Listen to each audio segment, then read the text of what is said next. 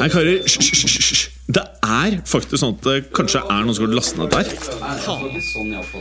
Nei, nå må vi bli ferdig. La meg bare få spilt inn her, da. Velkommen til fotballuka!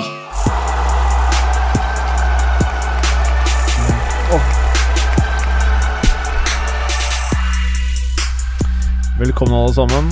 Velkommen til dagens episode av Fotballuka. Vi skal selvfølgelig prate om Premier League, og så skal vi prate om Premier League, og så skal vi prate om Premier League. Eh, og dette her er jo da satt opp av vår eminente Preben Ringerike. Dagens sendeskjema.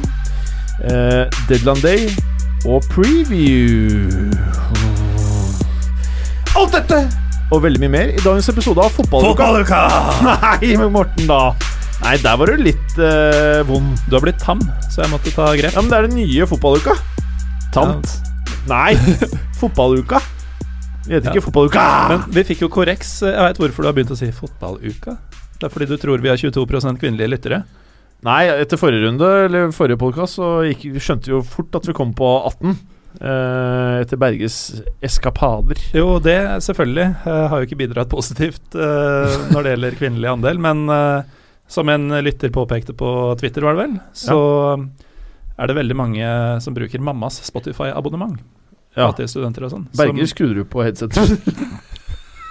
Han skrudde opp alle headsetene. Nei, nei, nei. nei. Du skrudde at alle hørte litt dårlig. jeg måtte finne bare mitt. Jeg hører litt dårlig. ja, du skrudde mitt òg, i hvert fall. Beklager. Ja.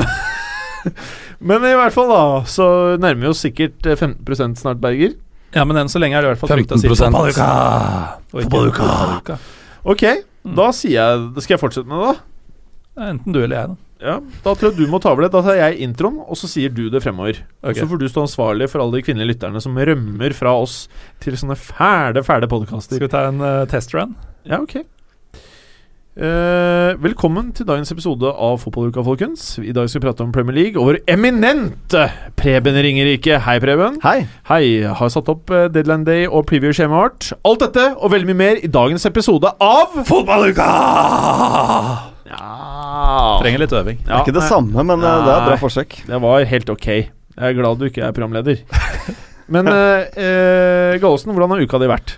Uh, fotballuka mi har vært syltynn. Fordi det, det har vært lands... Du har, du, du har humor i deg. Det bor i deg. Frank, det bor i meg. Det er i hvert fall ikke bra. On a fucking roll. Ja? Nei, men det har vært eh, knusktørt. Jeg har sett meg nødt til å gå på diverse dates fordi det har ikke vært noe fotball å se på. Hæ, du har jo dame i California, jo. Hona, det er litt høy lyd. Det er rart åssen det blir sånn, Berger, når man skrur på alle knappene Nei, jeg skrudde bare på meg, så snakket jeg litt høyt, og da gjorde det vondt for meg selv. Ja, nå er hun nede på 14 uh, uh, Gallosen, Ja. du sier knusktørt. Hva er det vi prater om da? Fotball? Fotball, ja. Det er fotball som er knusktørt. Ikke dating. Nei, jeg, jeg så Å, eh, det likte du, Bergeren! Der kom Bergeren. Dra det litt lenger, da. Ja. Nei, jeg har ikke, 11 jeg har ikke fått anledning til å finne ut om andre ting er knusktørt. Fysj, det var litt for langt for min del. Ja, ja. Selv Bergeren sutna på under ti nå. Jeg er, jeg er en from type, tross alt. Ja, det. ja. Eh, og i dag, eh, Gallosen, vi er jo tilbake til å kommentere da T-skjortene dine. Ja. Og dette her er jo noe av det fæleste vi har sett her eh, på lang, lang tid. Det er bilde av en familie, altså en tilsynelatende en mann, da. Altså klassiske eh, menneskeroller. Eh, Mamma, pappa, barn. Ja, altså hvis man da ikke liksom har skifta kjønn og sånn, så er det da mann, kvinne og et barn. Og alle har på seg gassmasker, og så står det over da 'propagandi'. Og nederst her, Gallosen, så står det jo noe så 'failed state'. Hvorfor går det med dette her, da? Er det anarki, eller? Det er, et, eh, en, det er ofte en eh, rockegruppe. eh, litt obskur rock- rockegruppe når jeg går med T-skjorter som ikke har med fotball å gjøre. Så prøver ikke å piske opp stemningen før valget. Dette- Nei. Dette er intet unntak. Eh, Propaganda, et band jeg så i London eh, da jeg var der i sommer, Ja. og kjøpte denne T-skjorta. Jeg syns en god kjernefysisk familie er akkurat de verdiene vi trenger. Ja, for at, uh, det, det ser jo ut som et uh, portrett fra en uh, postapokalyptisk uh, verden der. Uh, Det tar meg tilbake til uh, barndomsvinnet jeg hadde fra um, tegne, tegneserie, tegneserien eh, Simon fra Floden. Har, du- har sikkert hørt om den? Nei, en fransk kvalitetstegneserie som er en, om en, om en, en postapokalyptisk verden hvor eh, man går liksom tilbake til eh, altså, Til tidlig teknologi, men man har en del sånne elementer av gassmasker fordi alt er helt jævlig. Kan ikke benytte denne anledningen til å spørre tekniker Jo. Eh, og samtidig introdusere tekniker Jo nok en gang, som er i ferd med å pushe tekniker Felix helt ut av dansen. Kødder du? Ta så Spør eh, tekniker Jo da om uh, han har hørt om det. Tekniker Jo, har du hørt om det? Aldri hørt om det. Ja, Nei, For dere lytter lyttere som kanskje ikke Jeg tror du er for ung, fordi dette er ikke noe Dette må du på antikvariat, spesialantikvariat, for å finne det sånn. Det, det, det er gitt ut bare åtte nummer, så det er på en måte Dette er en roman som er utgitt i åtte tegneserier, så det er ikke en lang Det er ikke noe Dunkel Donald-case, altså, for å si det sånn. Eh, jeg har faktisk prøvd å begynne å Nei, men altså, det er, det er legendarisk. Det er jævlig fett. Det er liksom man, de, de rir til hest, men med maskingevær. Så det er liksom sånn Man kobler noen gamle elementer til nye, da. Bra. Da er vi på 8 Preben, velkommen til deg. Takk. Du er jo faktisk en som holder vår kvinnelige lytterandel uh, Skal vi jeg prøve da. å få det opp på 9-10 nå? Ja, Kan du ikke prøve det? Gjør et forsøk. Jeg vet ikke. Jeg har så likhet med Morten. Har hatt en dritkjedelig fotballuke. Jeg har aldri switchet så mye mellom fotballkamper i hele mitt liv, tror jeg. Det var fra den ene kampen til den andre. Syns du ikke det var noe underholdende med Norgekampen? eh? Jo, jo, jeg satt jo heid på Tyskland og håpet at de bare skulle banke inn enda flere. Ja, Jeg håpet at de skulle runde tosifra, Ja. men det gadd de dessverre ikke. Nei. Det er Men jo eh, nei. Det er litt tung uke, altså. Og Vi kan jo opplyse lytterne om at uh, du har jo nå uh, Nå stikker jo venstre brystvorte ut på en sånn helt unik uh, måte her. Den dingler liksom litt ned. Den den, Den ser stiv ut. Ja, den ser ganske stiv ut. Stiv brystvorte på en Ja. slapp brystmuskel. Og jeg må jo si det, Preben. Ja. Du er Du ser veldig fitt ut nok en gang. Ja, det lyver nok ganske kraftig, dette her, altså. Skulle ikke du trekke opp de kvinnelige lytterne her, da? Ja, det var det jeg skulle, ja. Ja, Stemmer det. Ja. Men jeg hadde jo hengepupper sist, Morten. Hadde ikke det? Så mye har skjedd på en uke, da. ja. Eh, jo, eh, tekniker Jo. Mm. Hvordan har din uke vært? Eh, Du må komme nærmere, Jo. Du som har jobbet i P1. Du er vel vant til disse mikrofonene? Rimelig uh, laber for min del også. Det eneste jeg har sett av fotball, er jo Norgekampen, og det var jo en eh, ren skuffelse. Eller en glede for eh, de aller fleste av oss. Så, Ja. Mats er jo halvt tysk, så han syns jo det var veldig ålreit. er prøyssisk Uh, ja. Altså, vi, Svært visste ja, altså, vi, vi, vi, vi utvandret før, uh, før, uh, før samlingen av, av, Tyskland, av Tyskland, så da før Bismarck tok grep der nede. Mm. Ja, så halvt prøyssisk, eller kvart prøyssisk er det. Ja, Mm. Så tilbake. Du syns det var den eh, vasseste kampen, med andre sett med norske briller, bokstavelig talt. med norske briller var det jo eh, det dårligste noen gang. Dårligste noen Noen gang. Noen Å, ja. gang. Det er jeg har sett. Jeg er jo ganske ung nå. Ja, du er ganske ung, ja. Mm. Ja, ja. Det er bra, teknik, Jo. Du skal få sjansen igjen neste uke. Takk. Fordi, eh, som dere sikkert uh, hører, da, uh, våre kjære lyttere Dette er jo uh, noe vi spiller inn på en onsdag. Og hvorfor spiller vi på en onsdag? Jo, fordi Preben eh, skal ha flere barn, ikke sant? Det skal jeg absolutt ikke. Nei. Men uh, er noe annet som skjer i morgen. I hvert fall. Så jeg må være hjemme med barna. Ja. Så da blir det onsdag. Da kan vi jo, skal, vi, skal vi bare starte med fotballdelen? Programleder. Morten Gallosen. Ja, det kan vi godt gjøre. Ja. Berger, hvis vi nå tar en liten oppsummering av overgangsvinduet eh, for et lag som starter på A Du vet vel sikkert la, hvilket lag jeg sikter til? Ja, Arsenal. Det, Ja, godt. ja, ja. Ja. ja Har oppsummering, altså det er jo øh, Oppsummeringen har jeg skrevet i ett ord. I uh, capslock, utropstegn, skam. Hva? Sånn nå. Skam? Ja, altså Hele overgangsvinduet har vært en skam for Arsenal. Altså. Var det skam De når når de brukt- henta altså- Kolasinac? Nei, altså, men i sum, det er en bra Sum? Det, I sum så er det en eh, bra Altså en bra signering. Alternativet for Kolasinac var å gå til Juventus. Når du da velger Arsenal foran Juventus, så er det et tegn på at du er mett, du er ikke spesielt ambisiøs. Du driter i om du vinner noe, og du er helt happy med at du slapper av i en kjempekul by. Så det er et enormt dårlig tegn når en spiller velger det, mener jeg. Eh, det jeg mener er en skam her, er at eh, de har brutto brukt eh, 66 millioner pund. Det er 10 millioner pund mindre enn det de har solgt for. Og altså I en situasjon hvor dette laget har falt utenfor topp fire for første gang på er det 20 år, så velger de altså å selge for mer enn de kjøper. Det er så ekstremt lite ambisiøst. Og det viser den eh, ekstreme eh, Altså eh, institusjonaliseringen av tapermentaliteten som Wenger har lagt inn i dette laget over de siste 10-12 årene. Det er katastrofe, og fansen fortjener bedre. Mm. Kolasinac isolert sett er bra. Det tror jeg Lacassette også er. De har solgt Chesney for en slikk og ingenting. Gjett til hvem? Ox er solgt, Gibbs er solgt, Paulista. Ox er uh, tapt, de andre to er ikke noe big deal, men dette er uh, helt ræva. Og at de kommer opp med dette budet på, um, på 100 millioner euro på Thomas LeMar uh, siste dagen, det tror jeg ikke er et reelt bud som de egentlig vil at skal gå inn. Det er for å vise, prøve å gi inntrykk av at de prøver noe som de egentlig ikke gjør. Dette her er uh, både Wenger som ikke lenger har Jeg hadde følt på, på forsøket hvis jeg hadde fått ja, da. jo, jo, men de fikk jo ja, men hvorfor byr du ikke det tidligere? Det, det er jo nettopp fordi at du ikke ønsker at budet skal gå gjennom. Du veit det er for kort tid til å gjennomføre dealen. Ergo så får du vist til fansen, eller prøver å inntrykk av at du prøver å gjøre noe, men det gjør du i realiteten ikke. Men det er jævlig rart hvordan de har klart å rote seg inn i alt det trøbbelet her. Du skal ikke mange år tilbake hvor det så veldig bra ut. Altså Du hadde spillere på lengre kontrakter. Eh, folk var til- tilsynelatende happy. De kjempet i hvert fall for en tredje-andreplass i Premier League og var Vi har alltid snakket om de er én eller to spillere fra å ta det siste steget og bli eh, beste lag i England. Nå sitter de igjen med spillere på korte kontrakter.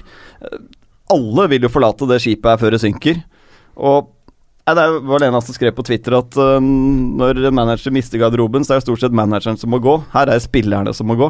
Mm. Husker ikke hvem det var som skrev det, men det er ganske beskrivende for hele situasjonen. Du vet at De spillerne som ikke ønsker å forlate dette synkende skipet, det er de du ønsker at skal være der. Det er vinnertypene. ikke sant? Hvorfor er Sanchez forbanna? Han er en vinnerskalle. Han er dritlei. Mens øh, hvem er det de tiltrekker seg? Kolasinac. For han ønsker ikke å være en del av en gjeng soldater som piskes nede i Torino. Men det som er utrolig, er at de, de kan jo ikke selge spillere heller akkurat for øyeblikket. De, de fikk vel altså var det 7 millioner for Gibbs, 10 millioner for uh, Gabriel. Ja. Det, altså, det er 1 million mindre enn det Tottenham fikk for Wimmer. ja. Altså, det er et eller annet ja, Det er helt sjukt hvordan uh, de har klart et eh, kunststykke, da. Ja, altså det, andre Annet interessant, eh, interessant element er jo Chesney, som altså da um, i fjor var den beste keeperen i Serie A. Ok, du har mange bra keepere, faktisk. Eh, blant annet eh, Buffon, og du har jo Handanovic osv. Og, og det er klart at når du ikke greier å tyne mer enn 14 millioner kroner ut av en ja, Ok, ikke topp fem, kanskje er regnet som nå, men han er topp ti i verden, no doubt. Da har du gjort en elendig jobb. Når det er mange klubber som sliter med det. Se, se på Liverpool. De har to keepere, begge er helt ræva. Altså, det er elendig fra ende til annen. Hvis jeg skjønner deg rett her, så er du positiv til overgangsvinduet til Nei, Arsenal? dette er bare helt uh, Det er It's a shame, altså. Men uh, djevelens advokat her, da. Kolasinac. Om han eh, Jeg skjønner jo at du uh, syns han burde dratt til eh, Juventus, og at eh, du da mener at det er litt sveklet å dra til Arsenal. Hvis du snur litt på det, da. Jeg vil jo faktisk si at jeg syns han virker eh, knallbra. Jeg syns han virker som en okse på banen. Det var Eh, én kamp første kampen, ja, og etter har han ikke fått ja, spille. Ja, men du vet jo Altså, sesongen er jo lang, og det er mange spillere som Ref Miktarian som bruker nesten hele sesong på å komme seg inn i laget. Eh, jeg syns også at uh, Lacassette, i forhold til hvilke spillere som det er mulig å riste løs i den posisjonen i verdensfotballen, syns jeg det er et eh, veldig bra kjøp. Eh, men så er det jo akkurat det du nevner, da, som jeg er helt enig i. Og som det er jo ikke første sommeren, det. At eh, liksom de beste spillerne ryktes vekk. Og den sommeren her så ble det jo bekrefta opptil flere ganger av spillerne selv. Og det er jo klart at eh, når du også leser at de andre spillerne i garderoben blir så forbanna på i dette tilfellet Alexis Sanchez, at det er vondt å være rundt han, at det, det han, han sprer eder og galle, så er det klart at uh, hvor viktig er det å beholde en sånn spiller i troppen? Og det, dette her blir jo liksom klisjé å si. Hvis du ikke har en spiller som vil være i klubben, så bør du selge han. Men her har du en spiller som aktivt lager dårlig stemning også. Så, og jeg tror ikke du får en spiller som skårer eh, 17 mål og 17 assist eh, det, eh, denne sesongen her, da. Ja, jeg tror forventningen når de valgte å holde han, uh, i tillegg til at de da ikke har ambisjoner, som selvfølgelig er det grunnleggende problemet, det er jo det at de regnet med at han skulle steppe opp og hjelpe dem inn i topp fire igjen. Glem det. Jeg tror han er dritlei, kommer til å trenere det og gå enten gratis til sommeren eller billig i januar. Gallosen, du Mm. som eh, kjenner eh, den hva er det, fjerde mest spennende ligaen i Europa, Frankrike. Eller var det femt? Femt. Femte beste, faktisk. Nei, seks sekst mest spennende. Sixth. Fordi Primera Liga Portugal er vel mer spennende. Ja. Kommer opp mye spennende Ja, ja, ja. Ja, mm. Det er langt ned. Men uansett, da. Der kom denne, denne Lacassette fra, da. Han gjør det. Og du har jo vært veldig bullish på Lacassette til Arsenal. Altså positiv, vil noen si da. Jeg snakka om dette før han egentlig skulle dit, Ja. som en perfekt match. Ja. Uh, så nå har jeg mye på spill her, da. Ja. Men uh, det jeg tenker, er at, uh, som jeg sa da, uh, han er en perfekt i utgangspunktet løsning på topp der, fordi du får en helt ny dimensjon i måten han spiller fotball på. Noe helt annet enn Giroud. Eh, du får gjennombruddshissighet, men også en voldsom fysikk, og ikke minst, vil jeg si, i den absolutte toppen når det gjelder avslutteregenskaper. Ja. Um, som avslutter så er han, er han helt, helt der oppe. Eh, I tillegg så er det jo muligheter for han og Giroud å gjøre noe sammen. Uh, så de får mange flere alternativer også med han. Så får vi se da om han tar nivået i England uh, på stående fot. Det gjelder jo for så vidt også Kolasjinats. Men hvis man ser litt bort fra Så hvis man bare isolert sett ser på hvem Arsenal faktisk har klart å beholde, glem, glem hvilket humør de er i, men de har klart å beholde dem. Og så ser man hvem som har forsvunnet ut, og glemmer for et øyeblikk at de har fått litt dårlige priser. Så syns jo jeg faktisk at uh, troppen ser ganske klart styrka ut med bare disse to inn. Fordi det de har solgt unna, er jo i veldig liten grad folk som var aktuelle for laget. Uh, det vil si at du har blitt kvitt en del av denne taperkulturen som vi bruker mot dem. Uh, sånn som Gabriel hadde jo aldri noe på det laget å gjøre. Eh, denne polske keeperen som jeg ikke prøver å uttale engang, har jo ikke vært i nærheten av laget på flere år, selv om han er god. Ja, Det er fordi han røyka i garderoben, var det ikke? Ja, det var jo det som var Ja, ja. Ja, ja. Men det er omsider fritt, eh, kvitt Yaya Sanogo for alltid. Eh, det er en oppgradering. Jenkinson er på utlån, slipper man å se han. Altså Det er veldig mye Det er mye mer ryddig da i det Arsenal har å, har å komme med nå. Men du kan jo ikke komme bort fra at de har hatt en veldig dårlig start på sesongen også. Det var jo med et nødskrik at de slo Leicester. De tapte mot uh, Stoke i i en ganske grå match, og så ble de jo rundspilt av Liverpool. Så nå møter de Bournemouth hjemme nå eh, til helgen. Bournemouth som har tapt alle de tre første kampene. Alt annet enn tre poeng der, så er Wenger out uh, på hele tribunen på alle stadioner i hele verden, sannsynligvis. Men, det er, men det er også altså, Jeg tror ikke det Men- men- handler men- primært om spillere, den tapermentaliteten. Det handler om uh, dette er toppstyrt. For det første så er det en eier som ikke har sportslige ambisjoner, som kun har finansielle ambisjoner. Så har du Wenger, som ikke lenger er en innovativ type. Ikke Han har mistet Fordi markedet nå, for å kjøpe unge talenter, er langt mer effisient. Det vil si at det er gjennomanalysert, gjennomspeidet. Så han kan ikke dra frem disse talentene som han gjorde tidligere. Og det at han i tillegg virker uh, utdatert, og ikke lenger er en fremoverlent vinnertype, det at de glemmer det, hjelper ikke når du fjerner de gutta der.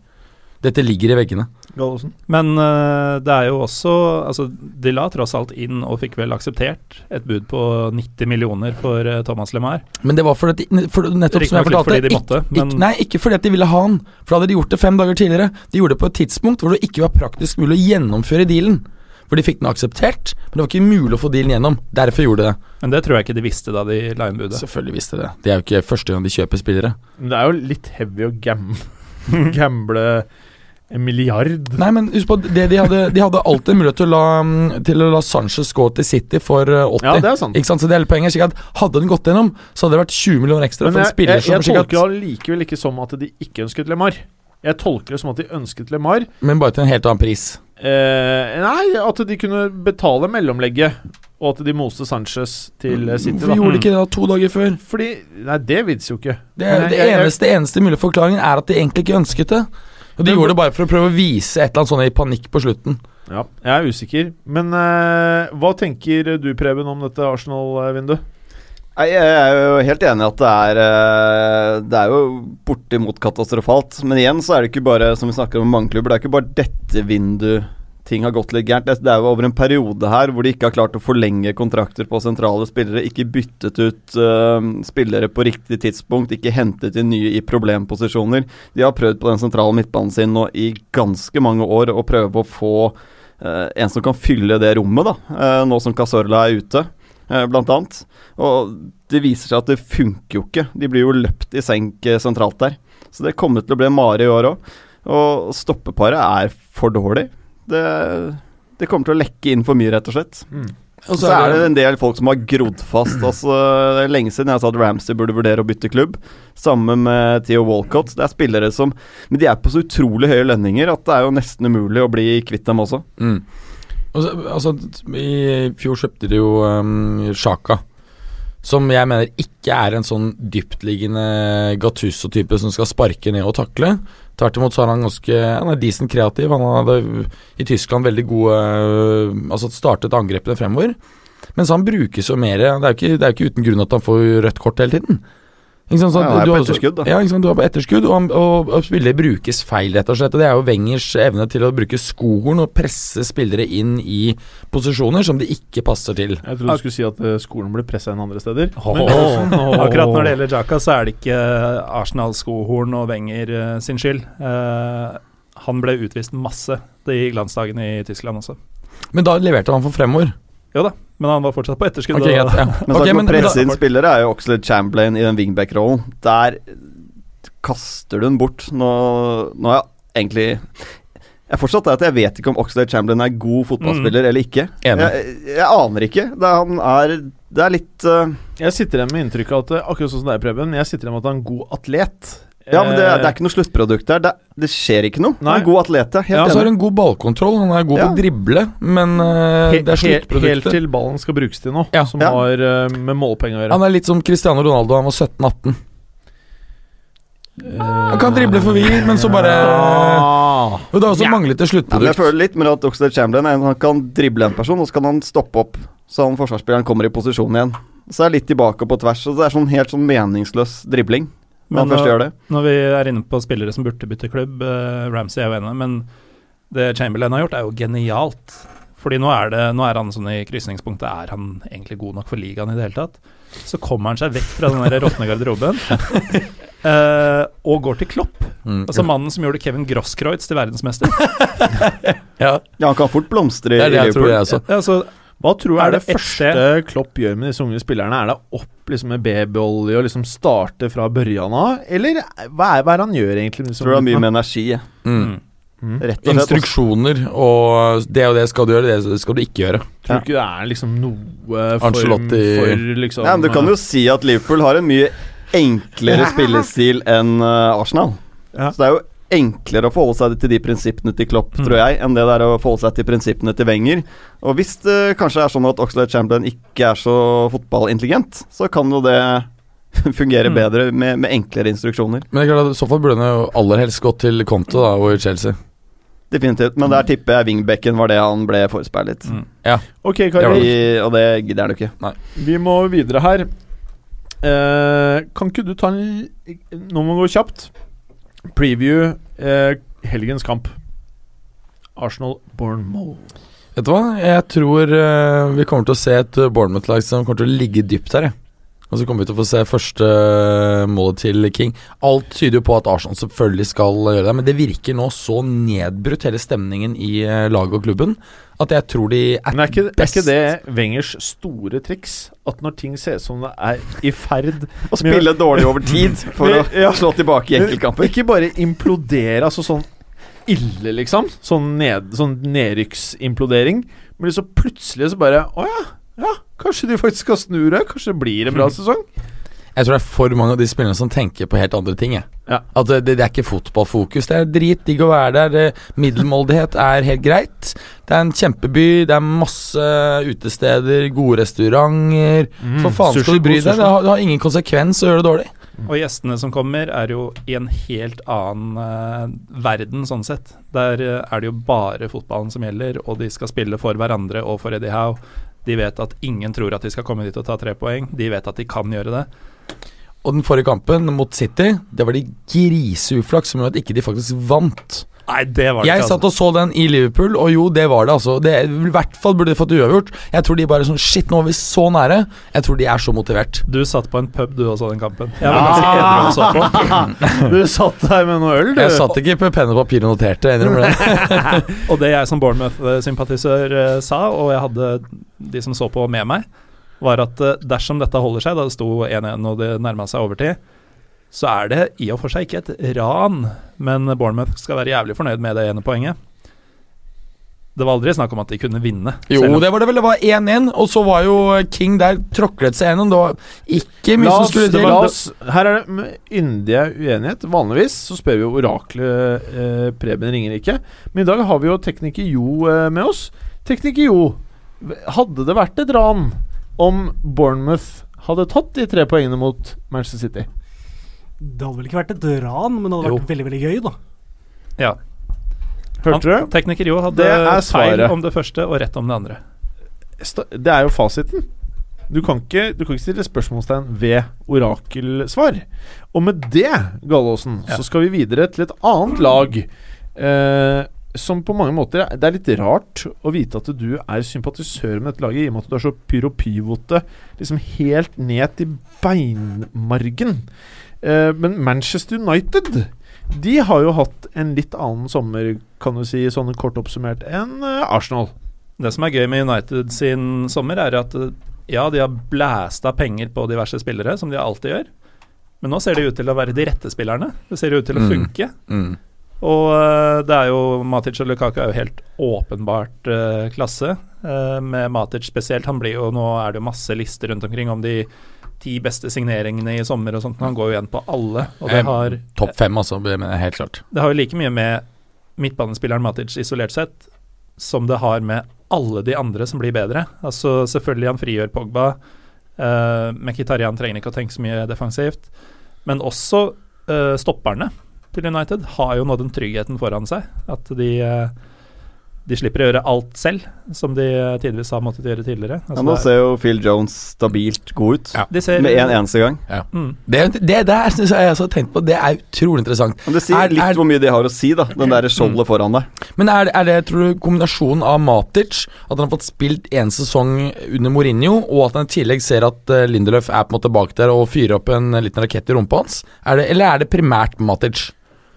Som gjør at eh, forsvaret til United ser Ja, og- bedre ut. og Det er spillertypen da. som er der. Altså den beskyttelsen vi, altså, Jones, ikke Smalling. Nei, Jones, sorry. Ja. Ja. Mm. Uh, nei, For noen år tilbake så ble jo Smalling Alle tenkte at, uh, eller mente at han kanskje var Premier Leagues beste midtstopper. Eh, så gikk det neste år, så så han jo helt ute å kjøre ut. Eller om det var omvendt, jeg husker ikke helt. Ja, men, nei, men det har jo med at han mistet den beskyttelsen foran seg. Og verdens beste midtstoppere, de, de har ikke sjans Altså Angrepsspillerne i verden nå, på, altså på toppnivå, de er på så høyt nivå da at når du blir utfordret og rettvendt av de gutta der, så er du nesten sjanseløs, uansett om du er Bonucci eller Chiellini eller hvem du er. Du er Ja. helt avhengig av å ha en eh, liten protection foran deg. Og du er så flink, Preben. At det, nå, nå forandrer du alt i hodet mitt igjen. Ja. Nå kommer jeg til å gå resten av denne helgen her og tenke på at ja, det er sånn det er. Nå kommer jeg til å sitte og se på det når jeg ser kamper. Men det beste eksempelet kanskje i nyere fotballhistorie som, som på en måte viser det du akkurat sier der, er jo, eh, som Jim har eh, påpekt flere ganger, da Canovaro gikk fra Juventus til eh, om da eh, denne fantastiske VM-seieren i 2006 og til Real Madrid, hvor han ikke hadde da Makelele eller Emerson eller andre foran seg. Han ble jo mål left, right and center. Altså Han så ut som at han ikke hadde spilt midtstopper før. Ja. Det er derfor dette mellomrommet er så viktig i det offensive spillet. At man alltid snakker om å få spillere inn i mellomrommet. For gjør du det og får de gode spillerne rettvendt i mellomrommet, så er det jo målsjanse med en gang. Eh, resten av vinduet til United, da? Nei, eh, juryen er vel ute fortsatt på Lindeløv, det må det være lov å si. Men eh, så skulle de gjerne hatt denne kantspilleren, og de har jo vært linka til gud og hvermann. Det var jo Griezmann og Ronaldo faktisk tidlig på sommeren, og så gikk det over litt til eh, Perisic, som varte eh, hele sommeren uten hell. Hvor ble det av Eh, Gaitan? Han eh, er er vel ikke like i vinden lenger. Men eh, ja, så var Ja, han har vært en sånn klassiker liksom de siste United, fem åra, føler jeg. Mm. Og Bale også var jo på den lista, så det var jo svære navn i eh, kant eller litt sånn der eh, obskur offensiv rolle som de var ute etter, som den siste brikken, på en måte. Den kom jo aldri.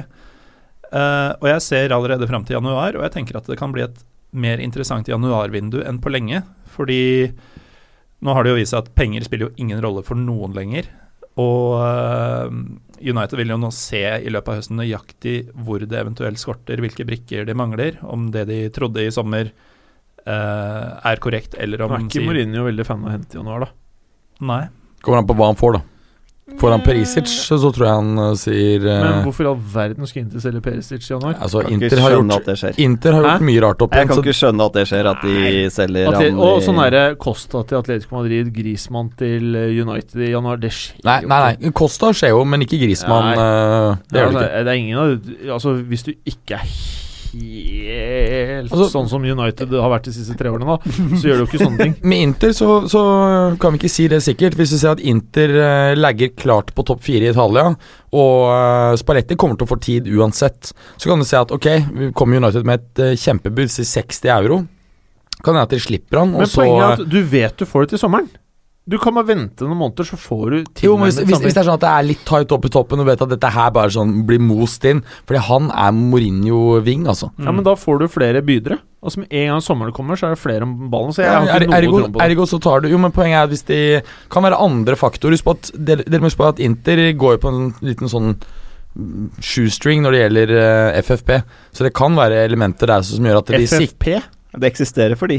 Ja. Det bare det PSG det ikke eksisterer for. Nei, altså, trust me, jeg tror de kommer til å uh, Ja. Men, men Gallosen, tilbake til uh, United. Nei, altså Jeg sier ikke at United kommer til å hente Griezmann i januar, men uh, det som er, er at de kommer til å ha kanskje én posisjon hvor de føler at de fortsatt trenger å styrke seg. Eh, de har all verdens med penger. De kan slenge, et, slenge inn et monsterbud på f.eks. Perisic eller en annen som skulle bli tilgjengelig. Eh, jeg tror for en gangs skyld at det kommer til å skje litt i januar, både med United og andre klubber. Eh, og så er det jo Ibrahimovic er jo tilbake, da. Mista draktnummeret sitt. Og De det er jo tieren. Ja. Det er upgrade, da. Upgrade. Jo, men det er jo ikke hans. Nei. Men Hvem er det som har tieren? Zlatan. Altså, Nieren er Lukaku.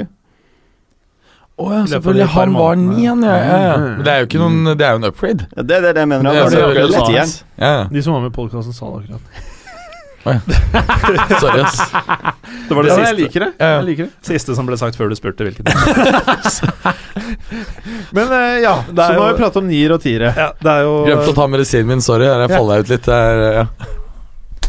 Det betyr i praksis at United har signert to svensker i sommervinduet. Ja. Mm. Men det er eh, ikke alltid bra. Nei, jeg vet- ikke helt hva jeg syns om det. Altså. Det er en X-faktor. Du får jo selvfølgelig vinnermentaliteten, du får rutinen, du får uh, sulten fortsatt. Den eh, kommer han jo aldri til å miste. Men han kommer ikke til å være Altså, de kommer til å spille med én spiss. Uh, han kan ikke forvente å starte alltid. Når han kommer inn for Lukaku, hvis Lukaku må stå over, så betyr det en annen måte å angripe på enn det som har blitt innkjørt. Det kan slå begge veier. Jeg, jeg, det jeg tenker med det, er at um, jeg tror det er betegnende for denne resigneringen at han har gått ned, halvert lønnen sin. Det betyr at han har vært ekstremt motivert for å fortsette United. Han har vært villig til å ta et, måte, et stort finansielt tap. Og det betyr også sannsynligvis at han er villig til å føye seg sportslig. Se for dere at han kanskje kan øh, gå inn på slutten av kampene i en sånn hengende spiss, en, en tierrolle. da. Så er han ganske keen på å vinne Premier League Mm. også. Eller tror du Og Champions. ja, ikke, men jeg tror Premier League nest, Ja, selvfølgelig Ja, Champions League er selvfølgelig år, det er veldig etter, viktig. året etter, ja. ikke sant? Husk på at han kan faktisk oppnå de to tingene nå øh, hvis han på en måte spiller kortene sine riktig, og det er derfor han er villig til å øh, backe litt, øh, tror jeg. Eller tror du finnen Mino Raiola har vært overalt og prøvd å pushe Zlatan? Det må du regne med. Nei, det, Zlatan, det, I'm tror jeg, sorry. det tror jeg There's ikke. no money for. Han er så close med Mourinho, og han har så lyst på de to tingene. Og dette er muligheten. Han vet at han kan holde på antagelig med sin utrolig fysikk og teknikk i ja, fem år til i MLS. Det Ja. tror jeg, altså. ja så, så her tror jeg ikke at uh, det er nødvendigvis mangel på andre interessenter, men jeg tror at uh, det er dette han vil, og det er det riktige. Ok. Gallosen, uh, hva annet er det du ønsker å føye til angående overgangsvinduet til United? Nei, det er vel bare å applaudere Ed Woodward for en gangs skyld. Ja. Selv om Men- eh, Er det riktig, eller skal vi si nå at eh, Mourinho har vært flink til å jeg tror det er Mourinho. piske han derre fæle Woodward? Jeg føler det er det som har skjedd Han er flink til å skrive opp navn, og så Ja. Woodward, han kan jo ingenting. Han betaler jo dyrt. Eller, nå var han så heldig at Neymar-overgangen skjedde, så da ser det billig ut. Så han ble redda av gangen. Ellers så har jeg sett sånn Jeg er decent sett spillere til jævlig høy pris, og nå er det plutselig Hei, det er bra spillere til en bra pris. Så eh, der tror jeg redda av gangen mer enn noe annet. Ja, det tror jeg faktisk. Du, det der var egentlig en ganske fin uh, liten sak. Tenk på Nå er du god, Berger. Jeg har forberedt meg, vet du. Faen, du, noen ganger så er du Du er god, vet du. Jeg liker det, altså. Noe mer? Nei, altså det er jo Han har jo fått lister med spillere før, men Ja. ikke klart det. Eh, så jo, han har, har vel blitt piska litt, men Når det står sånn Depay det er ett navn på lista, og det bare er Depay, så er det litt vanskelig og god jobb, og sikkert, da. Det er sant. Fikk betalt penger for den i hvert fall. Og så van Gaal gikk ut og bare Ja, vi, vi, vi er dritheldige som signerte han nå, og alle var kine. Ja. Men det, det som er så sykt sånn verden har blitt med fotball, det er at United antagelig hadde tapt mer på å ikke gjøre alle disse store signeringene som viste seg dårlig i de årene. For det har holdt dem, holdt fansen på tå hev. Ja. Ja, ikke sant? Vært, vært i media, skaffet nye fans osv. Så, videre. så det er det syke i fotball, at den globale veksten er så rask at selv idiotsigneringen for United som er så store, gjør at de da får mer oppmerksomhet og får flere fans. Så for en gangs skyld, det å være inkompetent har vært bra. Eh, det har vært bedre å være inkompetent enn å være kompetent og forsiktig. Jeg skjønte hva du sa, Mm. faktisk. Rett og slett pga. deres eh, enorme base av fans og kommersielle verdi, så er det faktisk bedre å ha en som er sportslig inkompetent og skyter fra hofta, enn en som er mer forsiktig. Så det de egentlig burde hatt, er Altså De burde ikke hatt, um, hatt uh, Marotta. De burde hatt Manzini som trener. Bare kjøpt alt! Alt av Ja, ja. spillere. Og så hatt flott, uh, glinsende uh, grått hår i fin sleik, masse liksom. sånn deilige Ja, ja. røde silketing Ja, ja. overalt. Mm. Beste, Jeg tror han fineste kledd det der røde skjerfet. Hæ? Jeg tror ikke han hadde kledd det røde skjerfet. Nei, jeg tror, altså, han kler alt som er dyrt og uh, skreddersydd, altså. Ja. Uh, Gallåsen.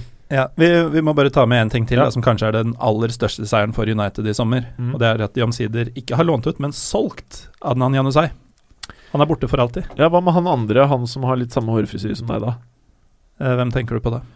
Han som nå Han har vært utro, og som har havna i litt uh, trøbbel igjen? Biltrøbbel. Rooney. Biltrøbbel, ja.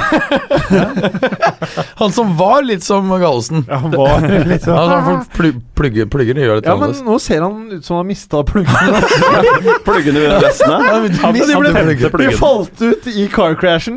Bare- De satt fast i døra. Ja. Ja, nei, vi kan vel gå gjennom Everton litt senere. Men apropos den saken der med Rooney Altså, Så vidt jeg har skjønt, så var han ute på fylla med West Brown. Begge de gutta her har jo, har jo, altså, De har jo penger til en taxi, i hvert fall en Uber. Hva er grunnen til at du da, når du vet hvor jeg, altså, Den eneste du skal gjøre, er ikke slå ned mennesker i fylla, eller kjøre i fylla. Det er Andre- faktisk det eneste, det eneste. du ikke kan gjøre som fotballspiller. Andre ting som er bare sånn Ja, folk eh, Det var da han knullet altså da eh, eh, eh, horer som var over 60, da han var sånn 21. Det var sånn Ja, det går fint. 7 Og gjort masse annet sykt. Liksom. Det eneste Ikke slå ned folk, ikke kjøre i fylla. Det slår meg at han ikke er veldig intelligent. Og hun Colleen må jo greie det. Hun er jo tålt mye, liksom. Hun Hva om han klarte å knocke seg selv ut på kjøkkenet? Kjørte huet og være marmor Ja. Men igjen, det er ikke noe stress. Det ene det er liksom to ting. Ikke slå ned folk, ikke kjøre i fylla. Det er de to tingene du ikke skal gjøre. Og så ikke svindle på skatten. Ja. Det er liksom, for det, det er de Eller det er ikke tingene. så farlig lenger. Jo, det blir dårlig stemning. Det er dårlig holdning. Det virker som det går egentlig Da altså. er det, det er bedre med fyllebråk. det, er det bedre med fyllebrokk. Nei, det er, det er bedre å svindle på skatten enn å kjøre i fylla. Jo. Nei. Det har null konsekvenser å svindle i Nei, fotball. det er jeg uenig i. Men eh, United skal spille mot eh, Hva, hva, du, hva, hva mener dere om det? Eh, Hva er, hva er verst som fotballspiller? Svindle på skatten eller kjøre i fylla? Da mener jeg faktisk svindle, samfunnet på skatten. Svindle på skatten eh, er et, personlig, mye eh, verre men, Men inntrykk noe andre. renommémessig Problemmessig så er det jo mye bedre å snylte på skatten Ja. for Rooney personlig, Ja. enn å, eller en fotballspiller da, personlig. Jeg er helt uenig. Det blir jo bare betinget fengsel og en bot. Det er så grisete å svindle på skatten når du, når du Ja, ja, tjener så ja, mye penger. men nå tenker men vi ikke samfunnet generelt. Alle kan sette seg inn i noen som har kjørt i fylla. Ikke så veldig mange av fansen kan sette seg inn i at når du tjener 245 millioner i året og ikke gidder å betale skatten din. Jeg har nok ikke hørt én person ikke gi faen lenger. Alle gir faen i alt. Ja. Uansett, Gallosen. Ja, Var det noe mer? United skal jo spille mot Stoke uh, til helga. Ja. Og United er vel kanskje det laget som potensielt kan lide mest av at det har vært landslagspause. Altså verre enn oss fire som sitter her. For de var jo så vanvittig i flyten, og en landslagspause kommer jo aldri beleilig for et lag uh, i den uh, formen. Altså Flere av spillerne spiller jo i andre systemer for landslagene sine. De reiser mye, de kommer helt ut av rytmen og skal liksom plukke opp igjen akkurat der de var. Og da er det ganske ugunstig for United å komme til akkurat Stoke. Ja. Det er jo Da Ferguson var manager, så vant United bokstavelig talt ni av ti oppgjør mot uh, Stoke i ligaen. Uh, siden Ferguson har du vunnet tre av åtte.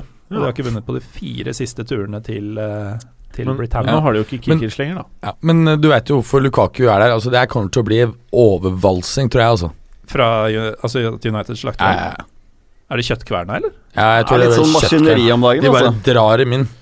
Gjennom de stramme rumpeballene til Lukaku, og så videre til uh, Rashford, som bare gir dem et tupp i nesa. 6% Men uh, ja, altså United har slitt mot eh, Stoke uh, de siste årene. En annen som sliter mot Stoke generelt, er Mourinho. Han har ikke vunnet på de siste fire, han heller. Eh, da med Chelsea, selvfølgelig. Eh, og den ene hjemmekampen Stoke har hatt denne sesongen, så vant de jo 1-0 mot Arsenal. Så jeg tror ikke på noe kvern eller slakt. Jeg tror det blir en tålmodighetsprøve, tror jeg. Ja, det blir ordentlig tøffe tak. Kommer Og- tre, tre mål minimum fra 80 minutter ut. Nei, Jeg tenker Hvis United snor seg unna med en 1-0 f.eks., eller en, en sein 2-1-skåring Det er sånn litt sånn underbrukt ord. Å sno. Det er egentlig ganske bra. sno seg unna med Ja. skattesnusk. Ja. ja. Ja. Nei, men jeg tenker at United skal være dritfornøyde hvis de klarer å grinde ut en ettmålseier her. Mm. Uh, og ett poeng er også greit, sånn jeg ser det. Ok, så, så du tror en knepen seier til uavgjort. Og Mats Berger, du tror at liksom 2-3-0. ja, du, Eh, nedjusterer fra fire, da, for det har vært to 4-0-seiere allerede. Ja. Uh, 3-1, 2-0. Ja. Vinner, med- vinner med to mål. Preben, du som er eh, Ja, du er jo litt oraklet her, da. Hva syns du om sommeren til eh, United, bare for å høre din mening om det? Ja, jeg synes de har Altså, de har kjøpt de spillerne de måtte ha. Uh, Lukaku, Matic. Det var det, det var det de måtte ha. Uh, og resten, det, da setter det seg. Det, det viser seg at det setter seg. Så um, Nei, jeg syns de har kommet godt ut av det. Og det virket jo så mye spennende å bruke 75 mil på Lukaku da de gjorde det. Men uh, man ser jo nå i etterpåklokskapen at det var ikke så gærent. Ikke. Og det er der Berger har et jævlig godt poeng med den Neymar-dealen. At uh, nå ser jo alle disse uh, transferene veldig smarte ut, på en eller annen grunn. Det gjør det.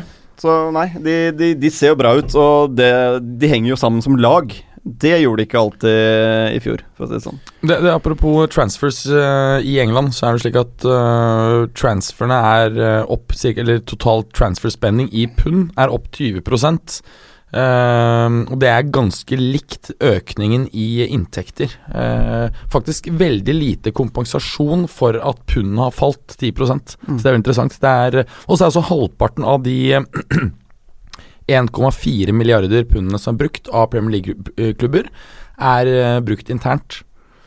Så det er interessante tall å ta med seg. Veldig interessant. Preben, eh, Tottenham. Ja. De var det jo egentlig ikke så mye blest rundt til å begynne med, annet enn et salg. Og så skjedde jo plutselig veldig mye. Men det er jo typisk Tottenham. Det er eh, De holder seg rolig, og så venter de til alle klubbene har gjort sitt, og så er det Levitime siste fire dagene av overgangsvinduet. Litt sånn gepard, egentlig. Venter, Ja, venter, venter og venter, og venter, men det har kostet dem litt de siste åra. Altså, nå har de tatt fire av ni mulige av denne sesongen. I fjor tok de fem av ni første. Året før der var det tre av de første ni. Så, så de, de taper jo litt grann på dette her, men sånn alt i alt nå så, så syns jeg de kommer ganske greit ut av det, hvis du ser eh, totalen. Jeg, jeg syns det er mer. Jeg syns det ser dritgodt ut, uh, det de har gjort på transferfronten. Altså Vi snakker Serge Aurier for en uh, godt under halvparten av Kyle Walker. Er han dårligere? Nei. Nei, jeg mener det er en upgrade. bedre. Jeg er Ja, klart. En vesentlig bedre spiller. Fernando Ja. Jente gir noe helt annet, og ikke minst kan være en god mentor på de få områdene Harry Kane ikke er um, så god på, altså som er rent sånn tøff inn i boksen. Tillegg så er han ekstremt good looking. Kan jeg ta en liten digresjon? Do it. En, en, en annen fotballpodkast jeg, jeg hører på, eh, så var det en eh, hvor de faktisk, i likhet med oss, eh, så det, var det, hadde det panelet flere ganger hyllet uh, utseendet til Jørente, Jorente. Og Så viste det seg, fortalte de da i denne podkasten, at eh, et par, eh, et mannlig par, som, uh, som er gift, og som hører fast på den podkasten, de var veldig uenige hvorvidt Jorente var uh, good looking. De var veldig enige om at Morata var det. Og han som skriver inn, han syns ikke Jorente er noe kjekk. Han mener at det er det kun heterofile menn som syns. og han sa at når, da, når mannen hans da syntes at Jorente var kjekk, så følte han at det var en bekreftelse når gutta i studio? Ja, på at han hadde, Nei, ikke var hetero, men hadde noen heterofile trekk. Ja. Mhm. Ganske litt lættis. Så uh, antagelig så er det så, Og som han sa, det er litt spesielt å få bekreftet din heterofile legning av at du har hyllet utseendet til en annen mann. Hmm. Men apropos Ja, når vi er inne på Jorente, da, så, så tror jeg ikke Jorente er kjøpt inn kun som en backup for Harry Kane. Også selge drakter. se-. Nei, ja, men jeg tror vi får se veldig mange kamper hvor Kane dropper ned i mellomrommet og tar den tierposisjonen med Jorente på topp. Eh, mange snakket om at Tottenham mangler skulle gjerne fått inn en offensiv midtbanespiller til. Jeg tror de har løst dette problemet her veldig greit med å kunne bruke både Kane og Urente sammen. Ja, det tror jeg også absolutt. Og du kan også se en annen ting. Det er at uh, du ser at uh, Jorente løper, får uh, lang uh, pasning.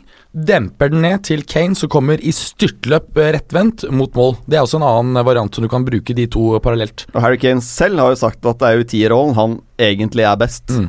Så det- det kan det- bli veldig veldig spennende. Det kan det. Så kjempesignering. Eh, Litt overraskende. Det var kanskje den deadline day-dealen som var, kom mest ut av det blå, da. Ja, ikke sant, for Du hadde jo regnet med at uh, den tross alt gode relasjonen mellom Fernando Riente og Antonio Conte fra tiden i Juventus skulle kicke inn der, men, men jeg tror det går på at han uh, syns at Tottenham-prosjektet er kjempespennende. Men vi, vi må også nevne spillere som uh, Johan Foyt, som jeg syns er uh, utrolig spennende, som kom fra var det Estudiantes. øh, 19 år gammel.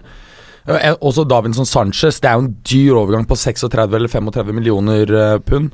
40 euro. Er ikke, Fra er ikke, Ajax. Er ikke Preben som Mats er godt i gang her, han. Ja. det, Men jeg er helt enig i det. Altså, Johan Foyt eh, er for meg eh, Det lille jeg har sett av han, så ser han veldig Eric Dyer-type ut. Jeg tror, tror fort han kan bli pusha opp i en uh, ballvinner sentral midtbanespillerposisjon. Han Hvem er er litt nå? uh? Juan Foyt. Foyt, ja. Han er uh, litt veik i kroppen, ikke så god i lufta, men samtidig en terrier og ekstremt pasningssikker og rask. Så jeg tror det kan vise seg som et veldig veldig godt kjøp for 8 mil pund i dagens marked. Så er det Går det til helvete, så er det ikke helt krise. Likevel, Og så har vel sånn. han også spilt uh, Sier noen, jeg har ikke funnet statistikk på det, at han har spilt uh, noe back. Uh, så om han er i en ja. En, en, en høyere wingback-rolle, så det blir spennende å se hvilken rolle han faktisk ender opp med å bekle. bekle.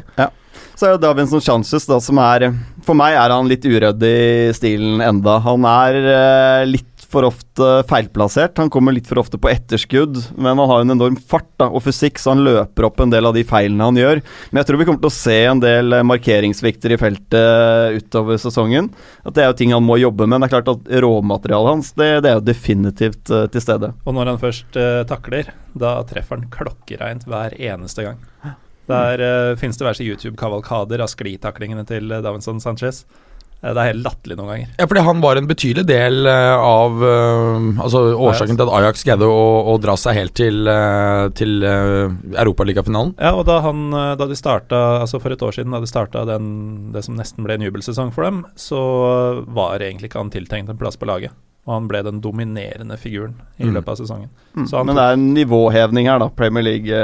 Ja, Og- men han tok allerede og heva nivået sitt betraktelig i løpet av en knapp sesong i fjor. Ja. Jeg tror det blir bra på sikt. Det, det tror jeg absolutt. Så, men man kan lure på en eh, Vincent Jansen her nå, da, som hva han tenker. Nå er han jo ikke registrert for champ i Champions League-troppen til Tottenham engang.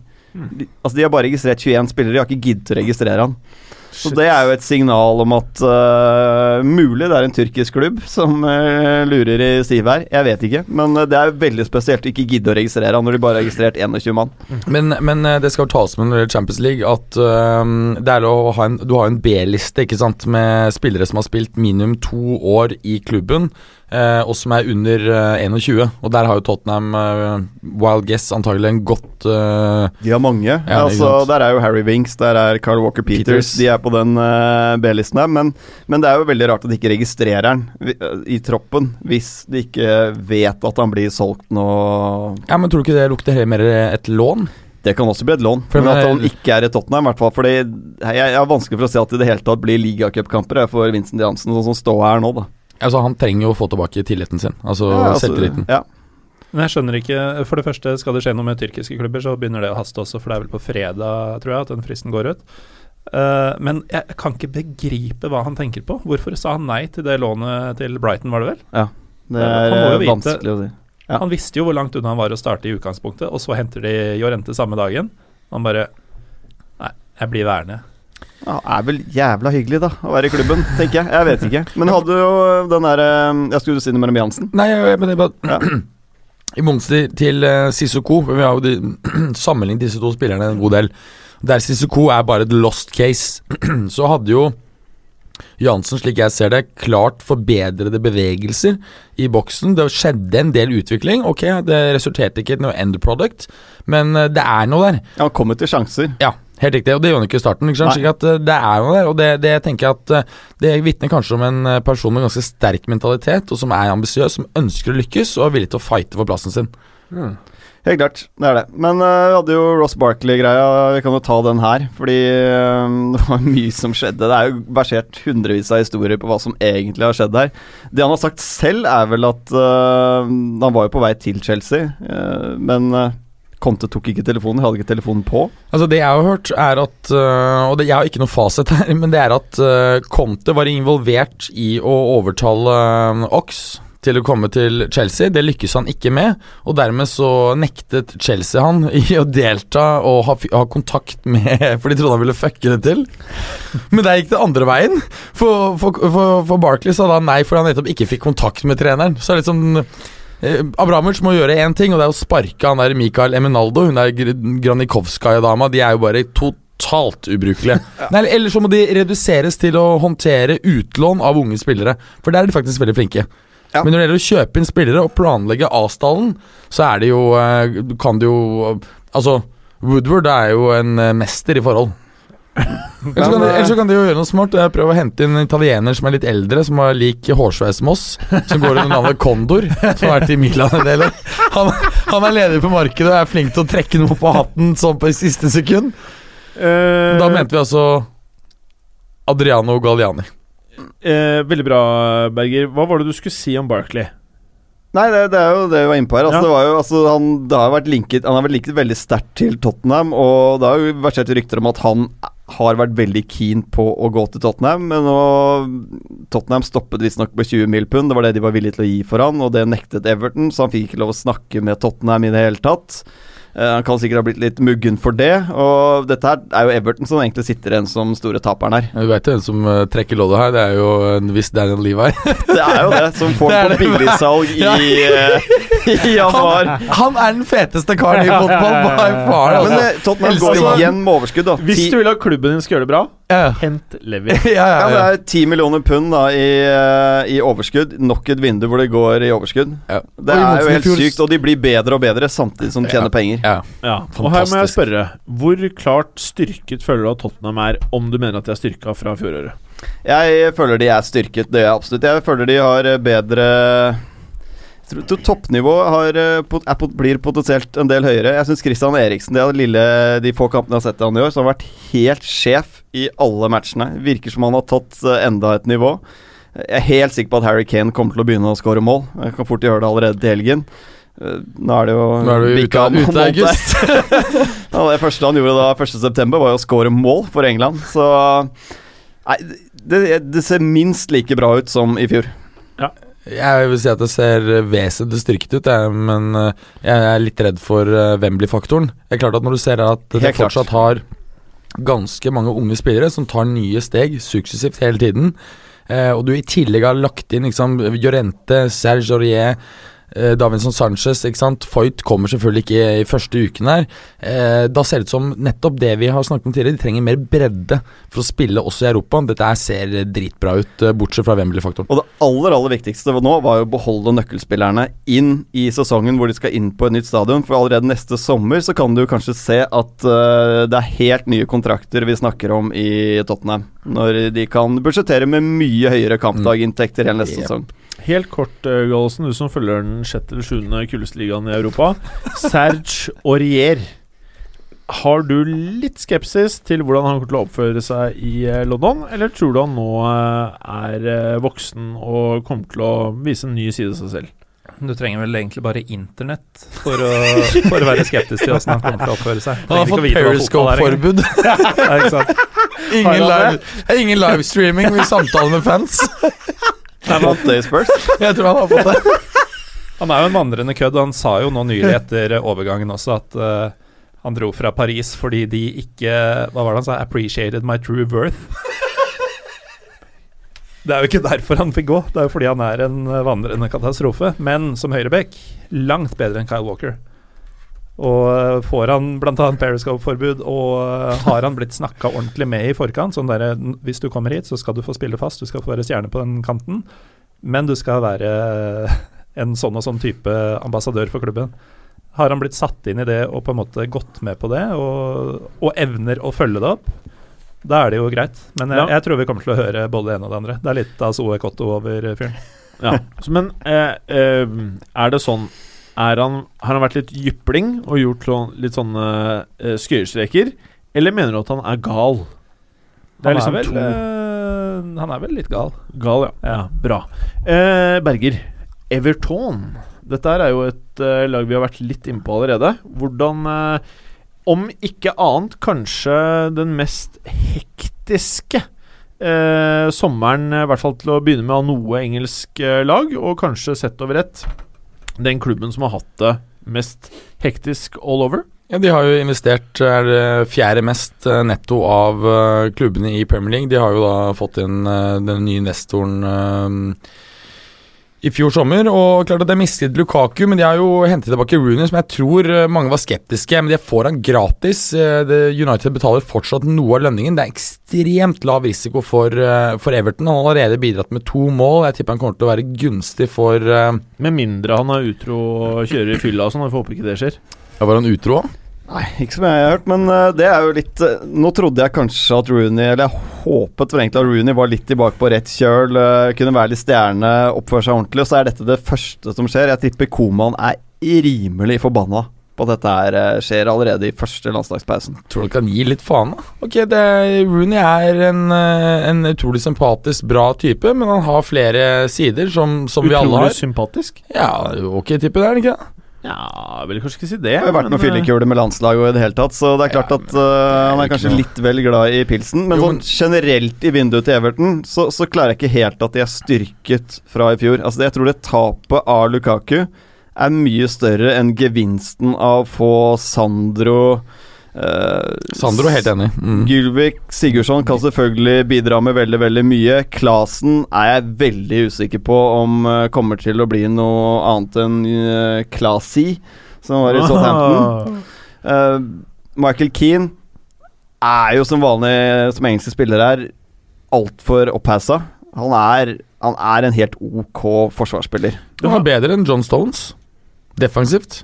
Ja, ja. Det er mange som er bedre enn John Stones. det var jævla dårlig sagt. Det var bare det var en dårlig benchmark. Det er bare ikke så mange som er dyrere. Nei, John Stones. Men Jeg ser ikke at Michael Keane er nevneverdig bedre enn eh, Jagielka, da. Litt mer mobil, Ja. men uh, sånn og jeg tror det Gulfi kommer til å bli uh, veldig bra, men jeg stusset jo hele tiden veldig hvorfor ikke de var de som hentet uh, Chicharito. For det er jo den personen jeg ville hatt foran der, uh, som Gulfi kunne ha matet. Så Jeg mener de burde hatt en hodesterk spiller. Jeg tror de veldig gjerne ville ha Giro, men at det ikke gikk gjennom. Jeg tror også Jorente kunne vært eh, veldig bra. Altså en hodesterk spiller, da, for det er jo det Akkurat nå som, jeg, sånn som det er nå, da, så har ikke Sigurdsson noen egentlig å sikte på inni der. Eh, Sandro er ikke noe hodespiller. Eh, Rooney er faktisk eh, oppsiktsvekkende god i lufta til å ha den høyden han har. Og det er jo Og såpass Chicharito også, er det shortsen ikke? som han er. Men det er jo Chicharito. Han er utrolig god til å bevege seg i boksen og finne rommet Helt han klart, skal. jeg tror det kunne vært en god signering. Helt enig med deg. De kunne trengt en Um, spiss som Lukaku. Egentlig. Definitivt. Ja. Så jeg tror det er pluss-minus hva de har mistet og hva de har fått, så, så tror jeg Nei, jeg tror ikke de kommer noe nærmere. For de som på en Eller annen vill 6, måte jeg- hører på den podcasten ikke har fått med seg at Lukaku går til United, nevnte vi det? Uh, med Everton. Ja, ja. Vi nevnte det på United, men vi nevnte det Han har altså da gått fra Everton til Manchester United, hvis du ikke har fått med deg. Det er nok behørig dekka. Ja, det er behørig dekka. Uh, hvilke andre transfers er det som har vært gjort, uh, Etalle? Eh, hos Everton Mm. det er fryktelig mange, da. Men uh, vi kan jo nevne Nikola Vlasic, som kom for uh, rundt 10 millioner pund fra Haidok Split. Han er Haiduk Split? Ja. Det er ganske kult navn. Det minner meg om den derre Grand Prix-låta. Und Haiduk. Ja vel. Du vet Ja. hvilken jeg mener? Nei, jeg følger ikke med Numa, på Noma Yay. Den er sikkert ti år gammel. Jeg følger ikke med på Grand Prix. Und Haiduk. Men fortsett. Eh, han eh, Jeg måtte sjekke med Balkan-ekspert Runar Norvik angående han. Eh, han betegner han som en fotballklok spiller, som er lett og fin i steget, men som langt fra er klar for Premier League ennå. Mm. Men de har investert litt penger inn da, i et prospekt, så det blir spennende å følge framover. Mm. Men jeg har jo Vi har jo vært innom de fleste som er kjent for folk. Pickford kan vi nevne. Ja, men det må vi nesten gjøre med Berger her, for han er så stor Pickford-fan. Jeg kan ikke skjønne Ja, Berger er og pisser, Ja. lyttere, hvis dere ikke har fått med dere det. Så Nei, vi kan snakke om Pickford. Da. la uansett så tror jeg Pickford er ikke på det nivået at han blir veldig avgjørende for Everton, Nei. tror jeg. Det er ikke fryktelig mange poeng fra eller til, men de har en solid keeper i noen år, inntil Manchester City skjønner, skjønner at de skal kjøpe han ja, kanskje allerede neste sommer. Han også har gått for en engelsk pris, kan du si. Rimelig engelsk pris var 30 mill. eh, pund vi snakker.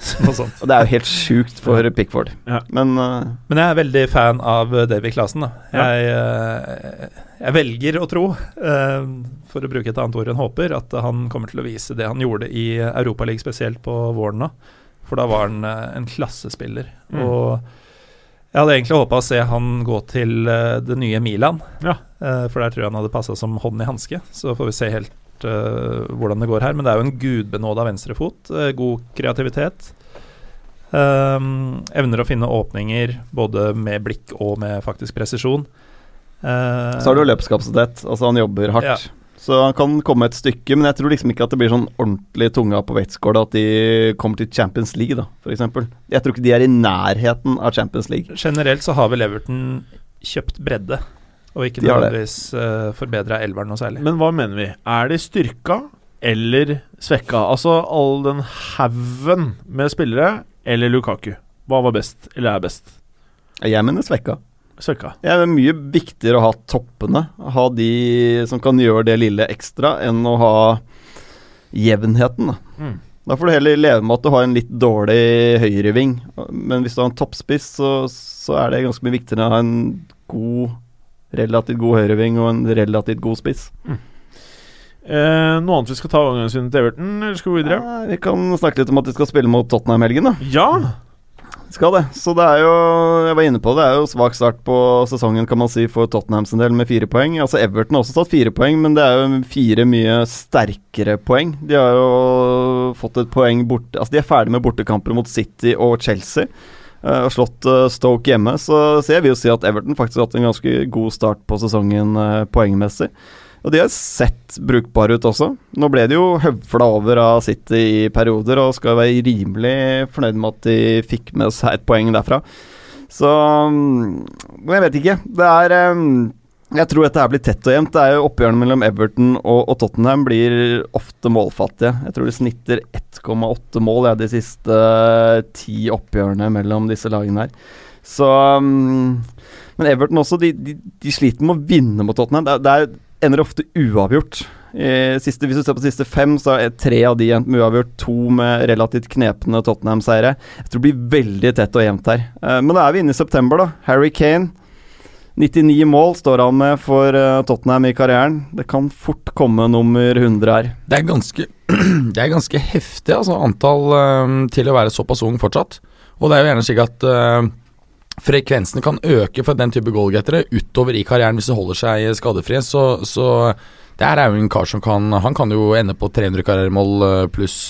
Han kan ta Alan Shearer og gutta, han altså. Mm. Og være tidenes uh, Hvis han velger å bli i Premier League og ikke bli lokket til Real Madrid om noen år. Ja, for det er vel egentlig det som er uh, Du vet jo Florentino han kan uh, dra inn en eller annen fra Nord-Europa som gjør at han kan øke uh, salg av drakter osv. Så, videre, så Men sånn som stå er nå med Kane, så tror jeg det kun er Real Madrid som faktisk får han bort fra Tottenham. Så lojal virker han jo, Mm. Ja. som han er utad også. Så nei, jeg tror det blir veldig, veldig tett og jevnt. Så uh, ser ikke bort fra at dette blir en 1-1-match, altså. Nei, bra. Gallosen. Eh, vi har vært gjennom den røde halvdelen av Manchester. Nå skal vi innom den lyseblå. Eh, og der eh, gikk jo penga til eh, mye forskjellig, spesielt eh, forsvar. Og spørsmålet er jo Ser det noe bedre ut enn før de brukte alle disse pengene og solgte masse andre forsvarsspillere på billigsalg? Svaret er ja. Ah, ja. Um, hvis vi tar høyresida, så har de kvitta seg med Sabaleta og Sanja. Mhm. Fått inn Kyle Walker og Danilo. Mhm. Bedre spillere. Mhm. Du Ja, vet det er- ikke helt hva du får, men de er bedre spillere. Mhm. Og Mhm. minst én av dem kommer til å slå til. Spørsmålet er om eh, hvordan de er etter de har vært litt i City. Ser jo Kyle Walker har begynt allerede. mm. Han ser vel på noen matcher på benken nå. Var ikke det første røde kortet i karrieren, altså? Det var det. Han måtte til City for at det skulle skje. Men Danilo syns jeg var strålende mot Bournemouth. Han uh, møtte Charlie Daniels, og han var likevel den beste bekken på den sida. Men det visste vi jo egentlig hele tiden. at Berger! må- Du har sagt både en og om Danilo, du. Ja da, men uh, det var jo fordi jeg er forbanna for han ikke gikk til Juventus. Ah. Men jeg, altså, Tidligere har jeg jo alltid sagt at han trenger å komme seg bort fra um, heksegryta i Madrid, Madrid. ble for stort for Det ble for stort for han. han uh, Nøttene hans bare skrumpet inn og ble sånne små pekannøtter, og han ble helt sliten. Mens det er, altså, ah, men liksom, han kan takle andre ting, så det er jo ikke, det er ikke en dårlig spiller. Ferdighetene er der. Ja, ja. Men uh, altså, i Real Madrid så klarte du ikke ta imot ballen. Nei. Og, og, det klar... Altså, Jeg husker altså sånn ute i januar her, hvor han hadde to selvmål liksom, på to matcher. Jeg sa- satt og var så sliten uh, nede på puben. Altså, det, jeg måtte, Jo ble altså, jeg måtte, altså Bare for å komme meg over det og oppgittheten, måtte jeg bestille et uh, halvt dusin, kanskje ett dusin Fernet. Oh, Uh, ordentlig sånn. Fernet Inferno for å greie å glemme oh, katastrofen Danilo. Eh, ja, og så tilbake til City. Ja, nei, altså De to kommer jo for uh, mer eller mindre 75 millioner pund til sammen. Og en, en, en, en av dem kommer til å slå til. det er høyrebacker. Det er der. Da jeg var sånn 12-13, han dårligste på laget, han dytta det ned på høyrebekken. Det er jo min skade. Det, det, ja, det er liksom Det, er, ikke, det er ikke liksom, er, liksom Zidane Han gikk omtrent for den summen. sin- Altså, på, på, det, er, det, er liksom, det er to høyrebekker som er helt decent. Helt decent. Ja. Ja. Nei, det er spesielt. spesielt. På motsatt side så er jo Gael Clichy sendt til uh, det største møkkalaget i uh, Istanbul. Ikke Galatasaray eller Besjiktas, men Bashak Shehir. Ja. Eh, Tror du han måtte google det før han gikk dit, eller? Hva faen er det her for noe? I hans sted har eh, Benjamin Mendy kommet for en halv milliard kroner. Som igjen Faen, er, den klubben her er nuts. Ja, det er jo gale penger, selvfølgelig. All, alle summene vi har nevnt nå er sinnssyke, men for City så har jo ikke dette noe å si. Men vil Jo, det har jo det. De har, altså, både de og PSG har fått uh, slapp på lanken. Grunnen til at det ikke ble iverksatt større bøter sist, det var fordi ingen andre klubber i Europa protesterte. Du kan ta deg faen på at det kommer til å bli protester, slik at det ikke kommer til å skje. Hva har skjedd i løpet av uh, siste tiden? Jo, European Club Association har fått to plasser i Uefa-styret. De har for øvrig byttet ut Carl Heinz Rummenigge med eh, Agnelli, eh, Juventus-eieren og presidenten. Og de har mindre penger. Altså, du, altså det her er, kommer til å bli kollektivt. De store klubbene, tradisjonelle klubbene, kommer til å ønske å knulle de to klubbene hardt. And it's going to happen. 3 Oh yes. Er Nei, men det altså, de, de, altså, det, her er jeg ganske sikker på. De kommer til å Hvor mange prosent er det på nå, Jeg tror det er 3. Ja, men nå, tror han, 3 nå, kvinnelige lyttere nå. nå sa Berger knulle såpass sånn hardt og Ja. ømt samtidig at jeg tror Ja, det nesten det, økte ja, de, gjør det med, de gjør det med en slags følelse. Ja, du gjør det bare, men Jeg, bare føl, jeg følte ikke Jeg- ømhet. Jo, men altså, jeg kjente jeg- det litt i mellomgulvet. Gjorde Altså, jeg gjorde det, altså. ja. Men han så rett på meg. Altså, Nei, altså det, det, er også kommet opp altså Noen har ment at det finnes juridiske smutthull her. Um, det har jo vært uttalelser nå fra juridiske eksperter som sier at det er ingen smutthull. Dette er clear cut. Da de kom seg sist, så var det nettopp fordi ingen klaget, altså de andre klubbene. Det kommer ikke til å skje. Hva slags barnehagementalitet er det? Ingen andre sier noe, så da er det greit at de bryter Eh, regelverket. Det var Uefas holdning, ja. Hvis ingen andre klager på det, så lar de deg komme billig unna denne gangen. Har du ikke sett Narcos, Men- eller? men- det skjer hele tiden. Okay. Det du husker på, er at de bøtene de slapp da, de får de i tillegg til eventuelt For det er, er altså da sånn suspended sentence, Uh, sentence. Hæ? Suspended sentence. Betinget dom. Betinget. Betinget dom. Sa jeg det feil? Suspended sentence? Nei, men Du så bare veldig morsom ut når du sa det. Ja. Og da får de det opp på toppen. Det her kan eh, ramme ganske hardt, altså. Eller så kan ingenting skje. Ja, Nei, jeg Det tror det er mest det. sannsynlig. Og, og, Men jeg liker hvordan du bygde det opp. Jeg håper du har rett. Not. Men jeg Tro- tror, jeg tror me. det som skjer De, de folka som står bak der, de kommer ikke til å greie å tilte de tradisjonelle store klubbene ut av eh, det gamet her. Altså, glem det. Nei, Vi får se. Men hvis det er bøter og det er det, så spiller jo ikke det noen rolle heller for verken City eller PSG. De har Selvsagt. ubegrensa med penger. Nei, poenget de kan Kan- ikke ta inn penger inn ubegrenset. F.eks. da mm, PSG fikk en gigantisk sponsorkontrakt med qatariske turistmyndigheter. Så ble det bare sagt sorry, den her er ikke på markedsmessige vilkår. Organisasjonen som sto bak, qatariske turistmyndigheter Det er selvfølgelig ikke turisme i Qatar. Altså, give me a fucking break. Den ble opprettet for å gi som å være et sponsorapparat til PSG. Og det ble jo slått ned på, så jo, det her kommer til å skje. Det er jeg ganske sikker på. Jeg vet å vedde eh, Hva da? Hva da? En, en stein. En stein! Ja. Nå vedde nå betydning, da. ja, det er betydning. Vedd en sixpack nå. Jeg vedder en sixpack istedenfor, da. Greit. Ja. Ja, hva, hva er veddemålet? Eller hva skal skje? For at uh, du er at vinner hvis de har brukt uh, Har de brutt P FFP, så kommer de til å få en knallhard straff. Slik reglene er ment å, å være. Men hva legger du i en knallhard straff? En bot? Nei, at reglene kommer til å være slik de er satt opp i regelverket. De kommer ikke til å få noe, noe freeride her, altså. Nei, men Eller free pass. Men hva skjer? Hva skjer? De kommer til å få gigantbot, og de kommer ikke til å kunne ta inn eh, Altså, de kan få bøter, de kan få utestengelse fra Champions League, de kan få restriksjoner på, på Utestengelse fra Champions League, det er ikke reelt. Nei, det tror ikke jeg. Jeg tror de kommer til å få gigabøter. Ja, Men driter ikke Ja. det, ja? 100 millioner euro eh, i året, det er ganske mye når de har eh, inntekt på ja. jeg, jeg tipper det er sånn 750 000 euro eller noe sånt. Nei, nei, nei, altså de fikk jo 5 millioner euro sist, og de har 40 millioner i suspended. Så her snakker vi 150-200, kanskje. Ok. 100-200. Tilbake til Benjamin Mendy, da, som trigga denne lille monologen, må det være lov å kalle det, fra Bergen. Og en av mine store favoritter på venstreback i hele verden. Det er kjipt å se han spille for City, men jeg tror det å se City med Mendy på venstrebekken eh, Vi så også det mot eh, Bournemouth. De fikk gjøre litt hva de ville der, men vant kun 2-1 på overtida av overtida. Uh, han er så fet. Han bare dundrer oppover den sida der, innlegg etter innlegg. Og Prøver å si at det er et godt forsvarskjøp av City. ja, det er i hvert fall et uh, Ja, det vil jeg si. Han er jo han litt å lære defensivt, men han er mye bedre enn han var for et år siden. Og offensivt så er det veldig få backer i verden. Uh, jeg vet om eh, i hvert fall én hjem som du sitter og tenker på nå, Mhm. som også spiller på venstresida. Mhm. Uh, men det er veldig få av dem Mm. som er bedre offensivt enn uh, Mendy. Jeg tenker at Hvis du ser bort fra prisene, da, hva de har brukt på disse tre bekkene sine, så er jo spillerne er jo en klar upgrade av det laget der. Og det er ikke lett å få gode høyrebacker eller venstrebacker i dag. Nei, og de har gjort akkurat det som trengs, i hvert fall på venstrebekken. Så får vi se hva vi får av disse på høyre. Ellers så er jo Bernardo Silva kommet inn og Jesus Navas gått ut. Det mm, Ja, du peker opp, eh, Preben. Det er upgrade. Jeg, jeg er også veldig fan av Bernardo Silva. Jeg er litt redd for at jeg skal begynne å like City når jeg sitter og prater nå, for jeg digger jo alle kjøpa deres. Ja, Og så liker du det andre laget fra Manchester. Ja, dette er ikke bra. Men Altså. jeg er mer der at jeg mener Navas er så begrenset at uh, det er derfor det er så upgrade. Jeg er ikke 100 overbevist om at Bernardo Silva kommer til å ta Premier League med storm første sesongen. Syns han er litt at han tråkker litt for mye på kula foreløpig. Men han øh, trenger egentlig heller ikke det, for de har jo 1000 spillere som kan gjøre akkurat samme jobben. Ja, så han kan bare eh, forme seg og lære England sånn de neste seks månedene, og så herjer han på våren, og så er han eh, starter neste år. Det kan det fort være. Og i Champions League Jeg syns det er godt kjøp, altså. Absolutt. Mm. Uh, men jeg lurer jo veldig på da Ja, vi kan jo ta med at uh, de har jo også kitta ut Wilfredo Caballero og henta inn Ederson.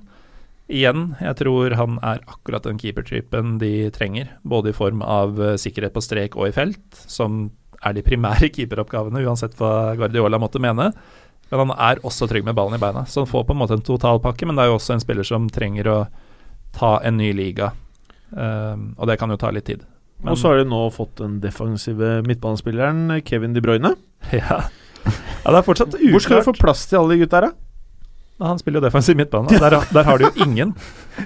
Eh, Altså, det er jo store minuset med City. De Ja. har jo ikke det skjoldet da som er ganske viktig for uh, alle fotballag. Det Og ikke- det tror jeg de vil merke veldig, uh, både i toppkampene i Premier League, men også selvfølgelig når de kommer ut i Champions League. Altså, bare tenk deg eh, Kevin De Bruyne beskytte Stones og Otamendi.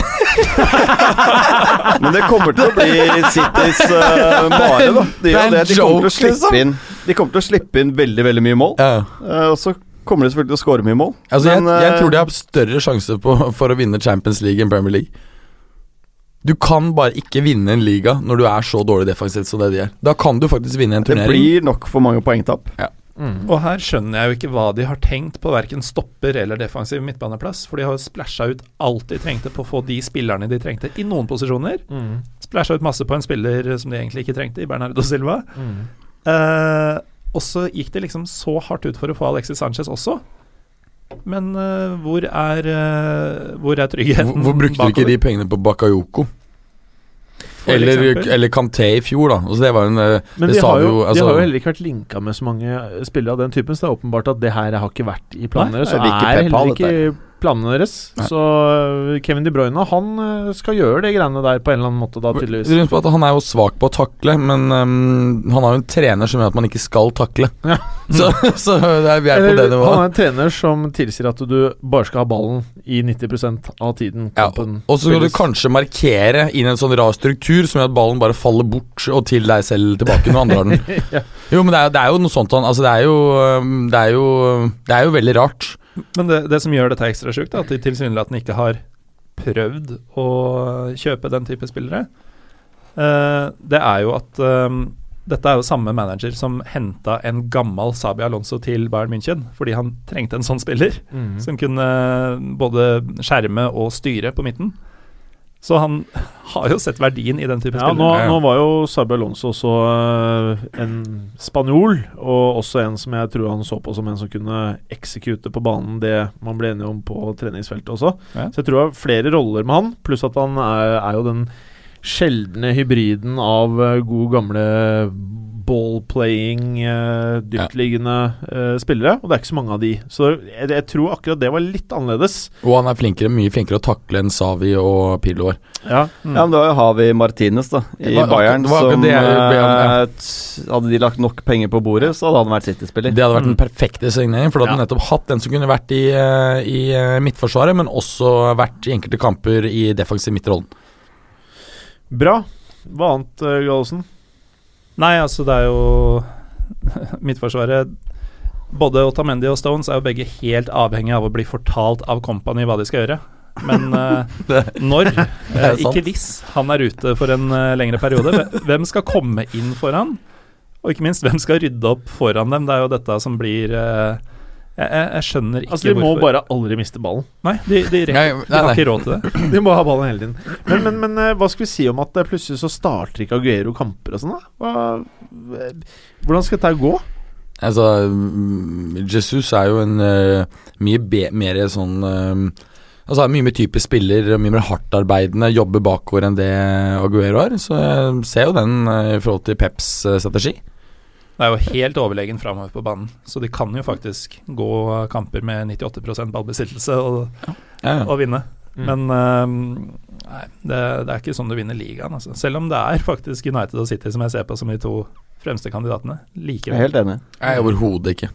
Der er jeg eh, ikke City Jeg tror City kommer være mye større risiko for at de faller utenfor topp fire, enn at de får ligagull. Chelsea er den som eh, for min del ligger klart nærmest United. Ja, nei, topp ja, nei altså Nei, det, det er mitt syn. Jeg, jeg mener at det er mye større sjanse for at de ender utenfor topp fire, enn at, uh, enn at de får ligagull. Preben, Yes. Liverpool. Mm. Eh, de har jo gjort noen riktig så smarte kjøp, spesielt når du ser hva andre spillere går for i f.eks. Uh, Salah.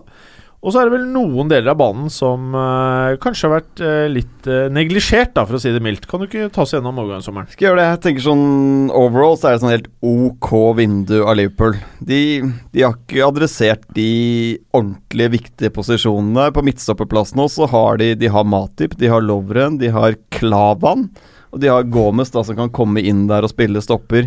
Jeg tror det blir altfor tynt over eh, 38 Premier League-kamper og noe ligacup og FA-cup og Champions League. Vi snakker opp mot 60 kamper høyst sannsynlig for Liverpool her.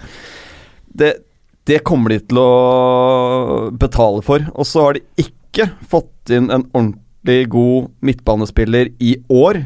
De får inn eh, Keita neste år. Og jeg syns jo det er positivt at de velger å gå for førstevalget sitt og signere han for neste år. At det er det de gjør. At de tenker litt langsiktig. Det, det syns jeg er veldig veldig positivt. Men det hjelper dem ikke så innmari mye i år. Det er fortsatt Henderson, eh, Emre Can som er på utgående kontrakt. Hva skjer med han? Hvem vet? Uh, Juventus er jo ganske hett tips der. For dere lyttere, Mats sitter og sitter som en joker i studio dere peker på seg selv, og Emre Can Jeg synes jeg var jo selv på, Det er ganske usexy midtbane å sitte med Sami Khedira og Emre Can, altså. De er klin like, da. Jeg tenker mer, jeg, jeg. tenker mer Emre Can uh, kommer til å dele plassen ved siden av Pjanic uh, med Matuidi. Mm. Og mot virkelig tøff motstand så setter både Matuidi og, um, og Chan. Altså, jeg så Chan selv. Jeg syns Chan er eh, han, er han, han er Altså, han er jo Kan jo faktisk bli en virkelig Virkelig komplett spiller boks til boks. Det er helt enig. Eh, altså sånn Arturo Vidal på sitt beste eh, Kan alt, skåre mål, takle, være overalt. Satt og selv og så på han eh, på den fantastiske kampen på Anfield for en drøy uke siden mot, eh, mot Arsenal, og han var jo uh, massiv, altså. Mm. Det var jo for så vidt hele Det lukter Liverpool lang vei Nei, Juventus lang vei av at han ikke signerer. Og Angivelig fått i eh, kontrakten, og så er det jo at han vil ha inn en utkjøpsklausul, nettopp fordi eh, Juventus skal kjøpe han til sommeren eventuelt. Så Men, jeg, men for helt ærlig så tror jeg at han kommer til å la seg overtale. Jeg tror han kommer til å bli i Liverpool. Jeg tror at uh, det kommer til å bli så god stemning der. Når jeg var der, så skjønte jeg at det her er spesielt, altså. Det kommer til å bli eh, eh, jævlig mye fete kamper med Liverpool utover Det gjør det, men så kommer det også til å bli jævlig mye kamper hvor de gir bort masse unødvendige poeng, tror jeg. Også i år, rett og slett fordi Forsvaret er for dårlig. De har to usikre keepere. Ja. De eh, har en midtbane Misterud, Chan, Henderson osv. Altså, skjer det et eller annet der, da, så har de ikke tilstrekkelig backup i laget. De skal spille mye fotballkamper, og de er nødt til å stole på 12-13 mann som skal spille både Champions League og Premier League. For de kan ikke rotere veldig mye Champions League og Det er litt mer enn 12-13 mann, men, men jeg vil si en ting til. Altså, det jeg syns er rart, er at Liverpool, som har ganske bra med penger Du har to keepere. Både Chesney, som selvfølgelig de burde ha kjøpt, men også Hart er en klar upgrade i forhold til det de har. Nei, Det er jeg usikker på, Ja, det er faktisk. det er jeg helt uenig. Jeg syns Hart er en av de fem dårligste keeperne i Premier League. Altså, det, det, det, Torino. altså det, ja, I teorien Nei, var det helt han har jo hatt en uh, kurve nå som er Ja. helt katastrofal. Altså jeg husker uh, Det er vel nå um, uh, ett år og fire måneder siden, da han hadde et par redninger mot Real Madrid, bl.a. hvor PP skjøt han fra kort hold rett i brystet. Hvor det kommer en sånn der på Viasat uh, Hart er verdens beste keeper. Jeg, jeg husker jeg satt her og skjelte ut uh, vedkommende som skrev det. Altså Det er jo helt sinnssykt å melde. Men jeg mente at han var en bra keeper. Men han har kollapset litt. med at nå er han undervurdert. Da var han overvurdert. Dette er et kjøp. Hardt er et kjøp nå. Ja. Men det, er hvis du ser Liverpool i år, da Du tenker veldig aksjemarked med alt som har med fotball å gjøre, du. Ja, Alltid. Og Ja. det er fordi at Men det, det er ikke alltid sånn det funker. ikke sant? For at uh, Gevinst er ikke nødvendigvis det som står i fokus Nei, ved en fotballklubb. Men å- årsaken er at jeg alltid forventer mean reversal. At du alltid trekker mot uh, det som er det naturlige punktet for uh, en eller annen kurve. Da. Og der tror jeg og- du mista den siste prosenten med kvinnelige lyttere. Da mista du meg. Men nettspenn da på Liverpool den sommeren her er 42 millioner pund. Det er ganske mye penger, i hvert fall historisk sett, da. Så er det jo det. Og det eneste spilleren de har fått inn som styrker laget vesentlig, er Salah. Det er det eneste de har fått ut av det. Ok, De har fått Robertson på venstre back. Jeg syns det er styrking, altså. Det er det. Det styrker stallen.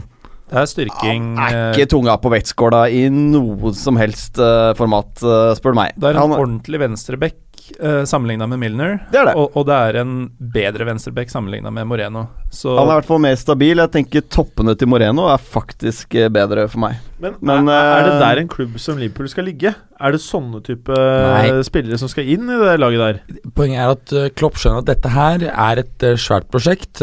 Markedet er der det er. Det er vanskelig å kjøpe spillere til Premier League-klubber.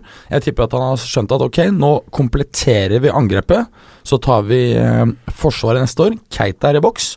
Jeg tror ikke Keita Jeg tror Keita kommer til å bevise seg frem for så mange som ikke har vært kjent med han gjennom Champions League-deltakelse for Leipzig. Og det gjør at Liverpool hadde aldri vært i nærheten å få den spilleren neste sommer. Men jeg tror de Også, kan nei, komme også, meg fullføre. nei, Ja. og så tror jeg du får se keeper og um, Keeper og stopper settes neste sommer, og da tror jeg at de kommer til å være ligacontenders neste sommer. Eller neste, Jeg neste tror de eh, ikke kommer til å være gode nok i år til at de klarer å beholde de beste neste år. Igjen, jeg tror de kommer i akkurat samme situasjon eh, som de hadde med Coutinho-sagaen om. Neste år tror jeg de er nødt til å slippe Coutinho hvis ikke noe sykt skjer denne sesongen. Eh, jeg tror også Mané fort kan forsvinne neste sesong hvis Real Madrid finner ut Hvis han har en kjempesesong, da, Mané, sånn som det ser ut som han kan få nå, og Liverpool blir nummer fire, da. Han er jo ikke Ascencio, for å si det sånn. Nei, men han kan fort være en de vil ha inn på venstrekanten i Real Madrid. Hvem vet? Men da har du Ascencio um, altså, jeg- Det får vi se, da. ja, Men jeg, jeg tror de kan slite litt. Det er et annet lag i Spania som kjøper alt som Barcelona kan være Og som er villig til Ja, å gå dit. Barca kan være eks, altså, så desperate som uh, ingen har vært noen gang Ja. neste år. Altså, Eh, de kommer, nei, men altså, det jeg de sier da kommer til å burne cash, altså. Jeg føler ikke at fundamentet i Liverpool er veldig godt om dagen. Det er noe sånn vaklende bein de står på. De er veldig gode offensivt nå, men ikke stor nok bredde. Så Men allikevel, i og med at vi er et studie hvor ingen er Liverpool-sympatisører Ja, Og alle ja, er innrømmer- Ikke våg! Innrømmer at jeg liker dem litt. Åhåhå. Ok, la oss si for oss andre som er nøytrale, da. Eh, så vil jeg si at det er få lag i eh, Premier League eh, hvor jeg gleder meg mer til kampene i år enn med Liverpool. Jeg vil si Helt Europa. enig. Jeg. Europa. Det er få kamper jeg gleder meg så mye til å se som eh, Altså Jeg trekker nå, ikke det- så langt. Jo, altså, det her er rått, altså. Nå skal vi se eh, til eh, på lørdagen, halv to. Så skal vi altså ha eh, Det her kommer til å bli rått. Men Vi kan snakke om det angrepsmessig altså, toppnivå-. Ja. Vi snakket om det i fjor, og vi snakket om året før der. Altså Toppnivået til Liverpool er det bare Manchester City som matcher offensivt. Mm. Stort sett. Absolutt. Så, så det, det vet vi jo, men igjen så er det så skjørt her. Det er bare én mann ut med skade. Det vil være enkeltkamper hvor Mané er skrudd av. Uh, ingenting funker. Og da de, de har ikke den defensive tryggheten som du trenger da for å vinne titler, tror jeg. Jeg tror alle er eh, enige om. I hvert fall ligatittel. Du kan eh, Med det setupet Liverpool har nå, så kan du vinne cup. Men, men, men si meg nå, Preben, hvordan vil du si at vinduet er eh, over ett? De har, Salah må jo kunne regnes som et av sommerens beste eh, kjøp, syns i hvert fall jeg, da. Ja, jeg går med at det er et vindu helt på det jevne. De, er, de får Salah, som er et, virker som et veldig veldig godt kjøp, og så har de beholdt Coutinho. Så, så vet vi jo ikke hvordan forfatning Coutinho er i når han skal spille en sesong nå, om han er Kanskje drar ned til å besøke Diego Costa.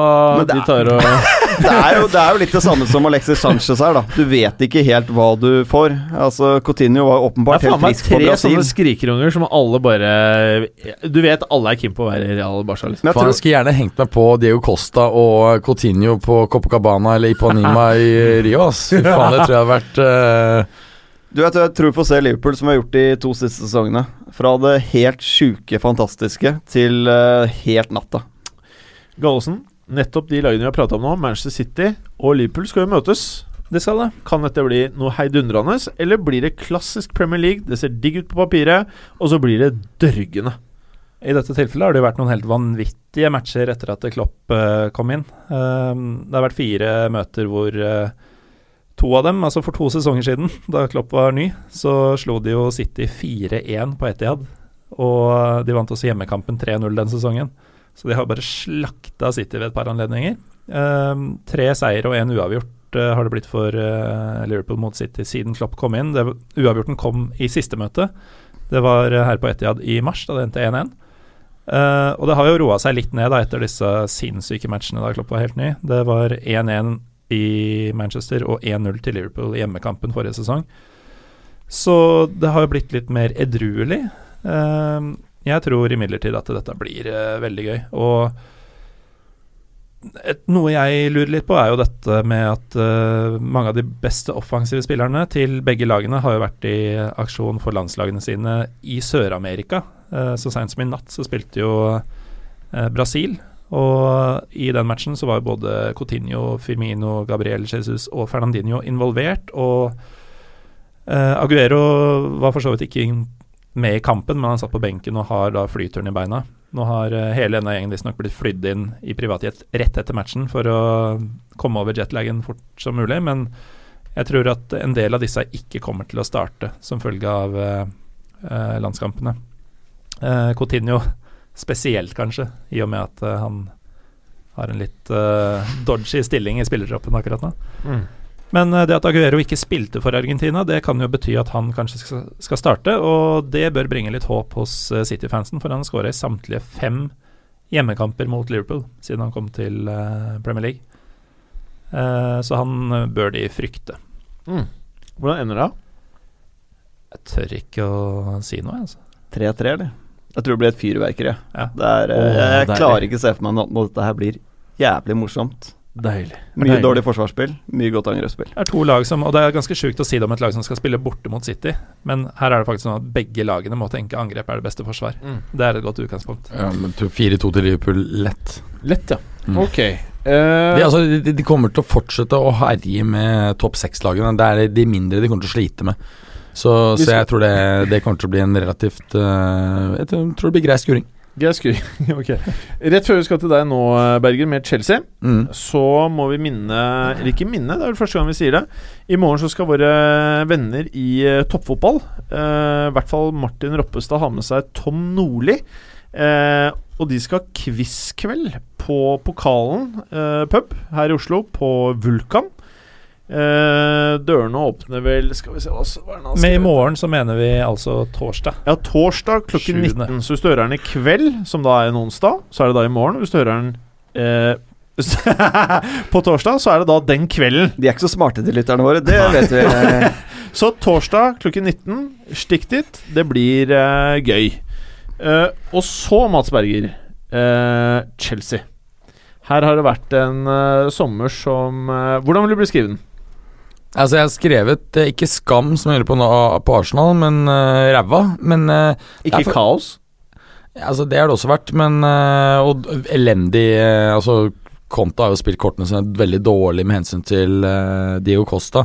I, I sum så er det klart at de har, de har mistet flere spillere, og det er liksom bare marginalt over at de har erstattet de, det de har gjort. De har hentet en Rydiger, som jeg mener er et, er et knallkjøp. Eh, Morata mener jeg også er et knallkjøp. Eh, jeg tror Drinkwater er bedre en del enn en del av de andre som er skeptiske til det han sier. Eh, det jeg hører, er jo at eh, Conte Han likte han veldig godt han, det han så i, under han, altså da han spilte i Leicester sesongen før. Men at det ikke var mulig å riste løs både Canté og han samtidig. Eh, og at han endelig har fått sin mann. Dette er, han liker enkle spillere. Kan ikke ha noe for teknikere. Han skal ha enkle systemer. Alle skal vite hva de skal gjøre til enhver tid. Um, fikk jo også inn eh, Bakayoko, som jeg tror kommer til å bli kjempebra. Så har du jo Zappacosta, som, eh, som for mange var helt ukjent. Han er en eh, veldig kontete spiller. ganske enkel, rask, sterk, høy. Kan løpe mye. Noen sier at han kan spille venstre wingback. Det er eh, ikke veldig ofte han har gjort. Så Jeg har funnet én kamp tilbake i 13-14-sesongen der han spilte venstre midtbane eh, som innbytter. Ellers så blir det en ny rolle. Han er eh, høyrebent. Han har veldig gode crossere. Han har godt, eh, ganske decent skudd. Eh, gode på langpasninger. Skårte to mål og seks assist i fjor for eh, Torino. Eh, har også debutert for, for landslaget og var faktisk i den 30-manns preliminære troppen til Conte under EM 2016. Slik at eh, dette er, en, eh, dette er en ganske bra spiller. Han har også faktisk eh, Altså Det er faktisk bare Alexandro som har flere vellykkede crosser enn Zappacosta. Zappacosta 47 siste halvannet året. Grunnen til at jeg sier halvannet år, for det tok han ca. seks måneder etter overgangen fra Atalanta til Torino sommeren 2015 å komme inn i laget. Og etter at han har vært knallgod. Så eh, for 30 millioner eh, euro, for dette er nemlig ikke 25, det er 28 pluss 2 i Addons, add-ons, som er, eh, er prisen. Det er en eh, god signering, eh, ikke ulikt eh, Marcos Alonso. Det jeg stusser mest over med vinduet til Chelsea, er at de lot Sjaloba gå og Loftus Cheek gå. Det, altså, det har noe med å ha en identitet i klubben, da, med folk som har vært der en stund.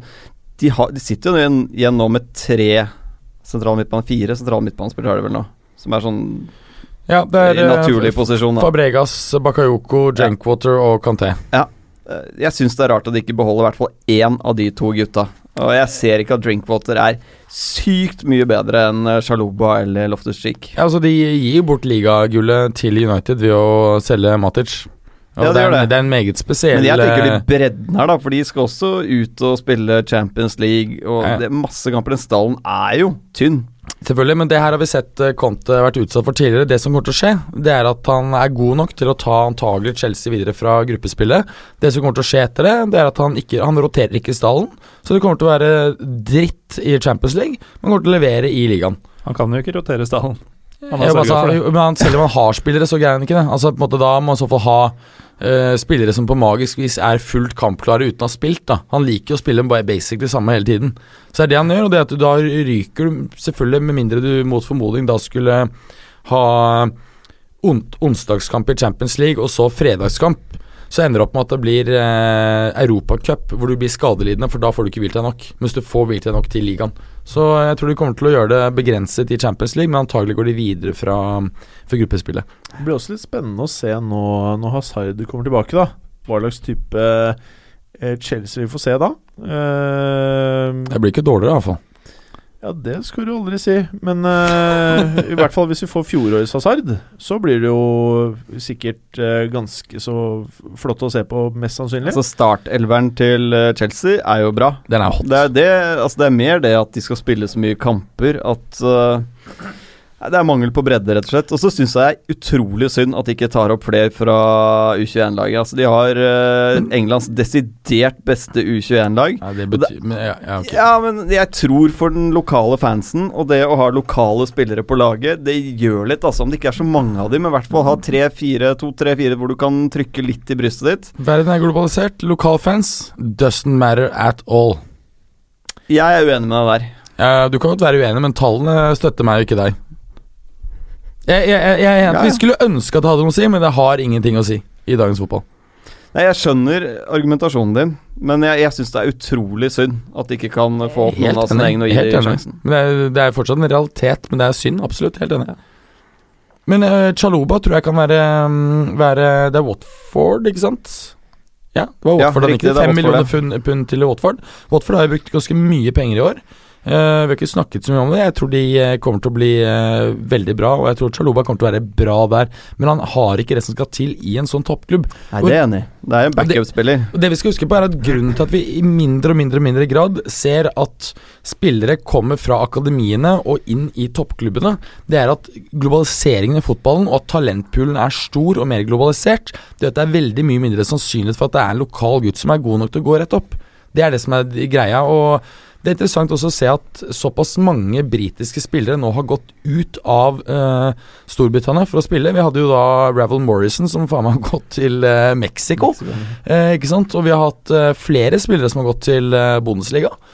Eh, så, så det er interessant å se at, eh, at spillerne faktisk innser at det å bli lånt ut til dårligere britiske klubber, det, det er mye mindre attraktivt enn å gå til f.eks. Eh, eh, Bundesliga. Men akkurat det Chaloba-salget gir jo ingen mening, for det er, det er ingen penger å hente på det. Det er, en, enig, altså. det er eh, en ekstra spiller i en posisjon hvor du må rotere en del. Han er en god backup, han er en god Premier League-spiller. Eh, og han var jo med i landslagstroppen til England nå, altså det er eh, I tillegg til det Preben nevner om eh, en litt sånn lokal forankring i et eh, overglobalisert eh, marked. Litt sjel. Altså Bare for å un- understreke det, jeg er helt enig i det. Altså Jeg eh, sitter jo veldig mange kilometer fra min klubb Juventus, og det er jo de lokale spillerne. Altså den Det er jo liksom Buffon, og kanskje til og med aller mest Marquisio. Fordi han har gått gradene. Jeg digger aller mest. Så jeg tror det har en verdi utover for de lokale fansene. Men, men eh, du greier deg også uten. Nevnte vi Solanke også? Nevnte ikke han i sted, det gjorde jeg ikke ord. eh, hos Liverpool, som uh, Nei, bare tenke i forhold til uh, Nå prater vi om Chelsea ja, også. ja, Mm. ja, i og med at de spytter han over der, selvfølgelig. Eller lar han gå, da. De gir han Mm. ikke ny kontrakt. Det er en free transfer, men nå fikk de vel tre millioner pund for det i noen utdanningskompensasjon. Uh, nå tror jeg heller ikke Solanke Jeg ser ikke helt at han blir en worldbeater, altså. Nei. Jeg sa jo for så vidt det samme om Harry Kane for fire år siden, men uh, Nevnte vi Ake, eller Ake, eller hva han heter? Nathan Ake har jo da gått til Bournemouth. En kjempeovergang, syns jeg, for Ake, som får spille. Og en kjempeovergang for Bournemouth, ikke minst. Og Men det er også en spiller som jeg mener Chelsea like gjerne kunne beholdt, istedenfor å kjøpe Rudiger, f.eks. Altså De har fått tilbake, nå har vi nevnt, ikke nevnt det, men uh, han Andreas Christiansen er jo tilbake. Han ser jo, er der. Christensen, han ser jo jævlig bra ut, syns jeg. God spiller, definitivt. Men, men det er jo noe med det at du Det er noe med signalene. Hvis du skal hente spillere til klubben din, så må du vise at du tidligere har gitt noen sjansen. Hvis, så jeg tror det er en grunn til at veldig mange unge spillere velger å gå til type Tottenham. For der vet de at det er muligheter faktisk for å slå gjennom og få spilletid. Mens i Chelsea nå så får de selvfølgelig massive kontrakter når de er 16-17 år. Det trekker veldig mange av de dit. Men de ser jo også at det er minimal sjanse for at de noen gang blir Chelsea-spillere. Men det er også kanskje et element her at um, Conte ikke får lov å styre transferpolitikken. Det føler han selv at han må. Når han ikke får det, så føler han selv at han er en kortsiktig manager. At hans eneste mission det er å vinne ligaen. Han driter i om han tar frem unge spillere. Han vil bare ha erfaring og bare hente igjen LA-pokalen. Det tror Helt jeg er litt enig. av årsaken. Hadde Chelsea vært villig til å si at ok, du får femårskontrakt, hent uh, dattera di og kona di. Femårskontrakt uten sparkemulighet, uh, og du styrer hele sjappa. Da tror jeg det hadde vært et helt annet ballgame, for da kunne han bygget noe, noe mye mer, da. Noen flere transfers inn og ut av Chelsea du ønsker å nevne? Ny, eller de har bytta ut uh, reservekeeperen. Tjent litt penger i farta på å kitte ut uh, Asmer Begovic til uh, The Cherries. Og så har de fått inn Wilfredo Caballero fra City gratis. Helt ok. Bare håpe at Courtois holder seg skadefri. Så de slipper å bruke Caballero. ja. Ja, Begovic er, det er jo et Altså, Begovic var jo mye bedre. Ja. Eh, Leicester-Chelsea til helgen. Hvordan blir dette her, folkens? Det tror jeg Chelsea tar, altså. Chelsea har jo vunnet også fire, nei, fem av seks siste. Eh, nå skal det tas med at, eh, at um, eh, Vardy har eh, tatt seg opp kraftig formmessig. Skåret vel eh, ti mål på eh, 16 kampene under eh, Shakespeare, så eh, du kan fort, eh, fort se at det blir noe jevnt. Men nei, jeg ser ikke at eh, ikke Chelsea tar det, altså. Folkens, hva tenker dere? Jeg syns det er vanskelig å spå. Jeg syns begge lagene er foreløpig er litt uberegnelige. Det er jo ingen av de som har imponert meg veldig foreløpig. Altså, du har sett toppnivået i perioder. Jeg tror fort at det kan bli jevnt, jeg. Ja. Jeg ser ikke bort fra at Leicester får med seg noe i den matchen. her Det er trøkk, altså, på King Power. Så vi får se. Men det er jo litt typisk kont Conte å bare hale ut en 2-1-seier der. Ok, folkens. Minner igjen om eh, quiz på eh, pokalen på Vulkan torsdag klokken eh, 19. Be there. Det koster jo ingenting å komme. Eh, Ta en liten et spørsmål før vi gir oss, da. Nei. Batshuay, hva faen skjer da? Det er noe av det merkeligste kjøpene jeg kan huske, altså. Det er en grunn til at eh, Conte vil ha jo rente. Ja, men altså, mener jeg, når han kommer innpå Vi har sett han i en del prøve Altså en del um, sesongoppkjøringsmatcher. Vi har sett han har kommet innpå i, i ligacup osv. i fjor. Jeg syns ikke han er så disaster som uh, Conte insinuerer. Hva syns dere? Jeg synes han er ganske average, det han har vist meg i Premier League.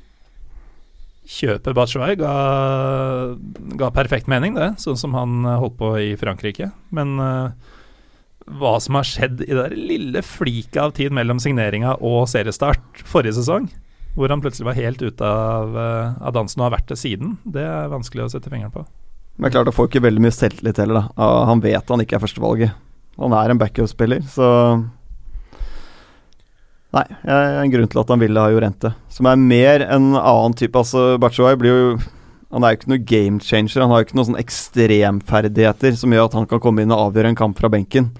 Uh, en Jorente har jo Han har jo hodestyrken som kan lage litt kaos uh, på slutten av en match. Det har jo ikke Batshuay. Så han lider litt under det. Veldig bra. Takk for i dag, tekniker Jo. Takk for i dag. Takk for i dag, eh, Berger. Takk, takk. Takk for i dag, Preben. Takk for oss. Takk for i dag, Morten Gallosen. Takk for alt. Takk for alt. Takk for at du gadd å høre på. Vi er Fotballuka på Twitter, Facebook og Instagram. Følg oss gjerne. Men bare få høre. Den tror jeg blir litt fet.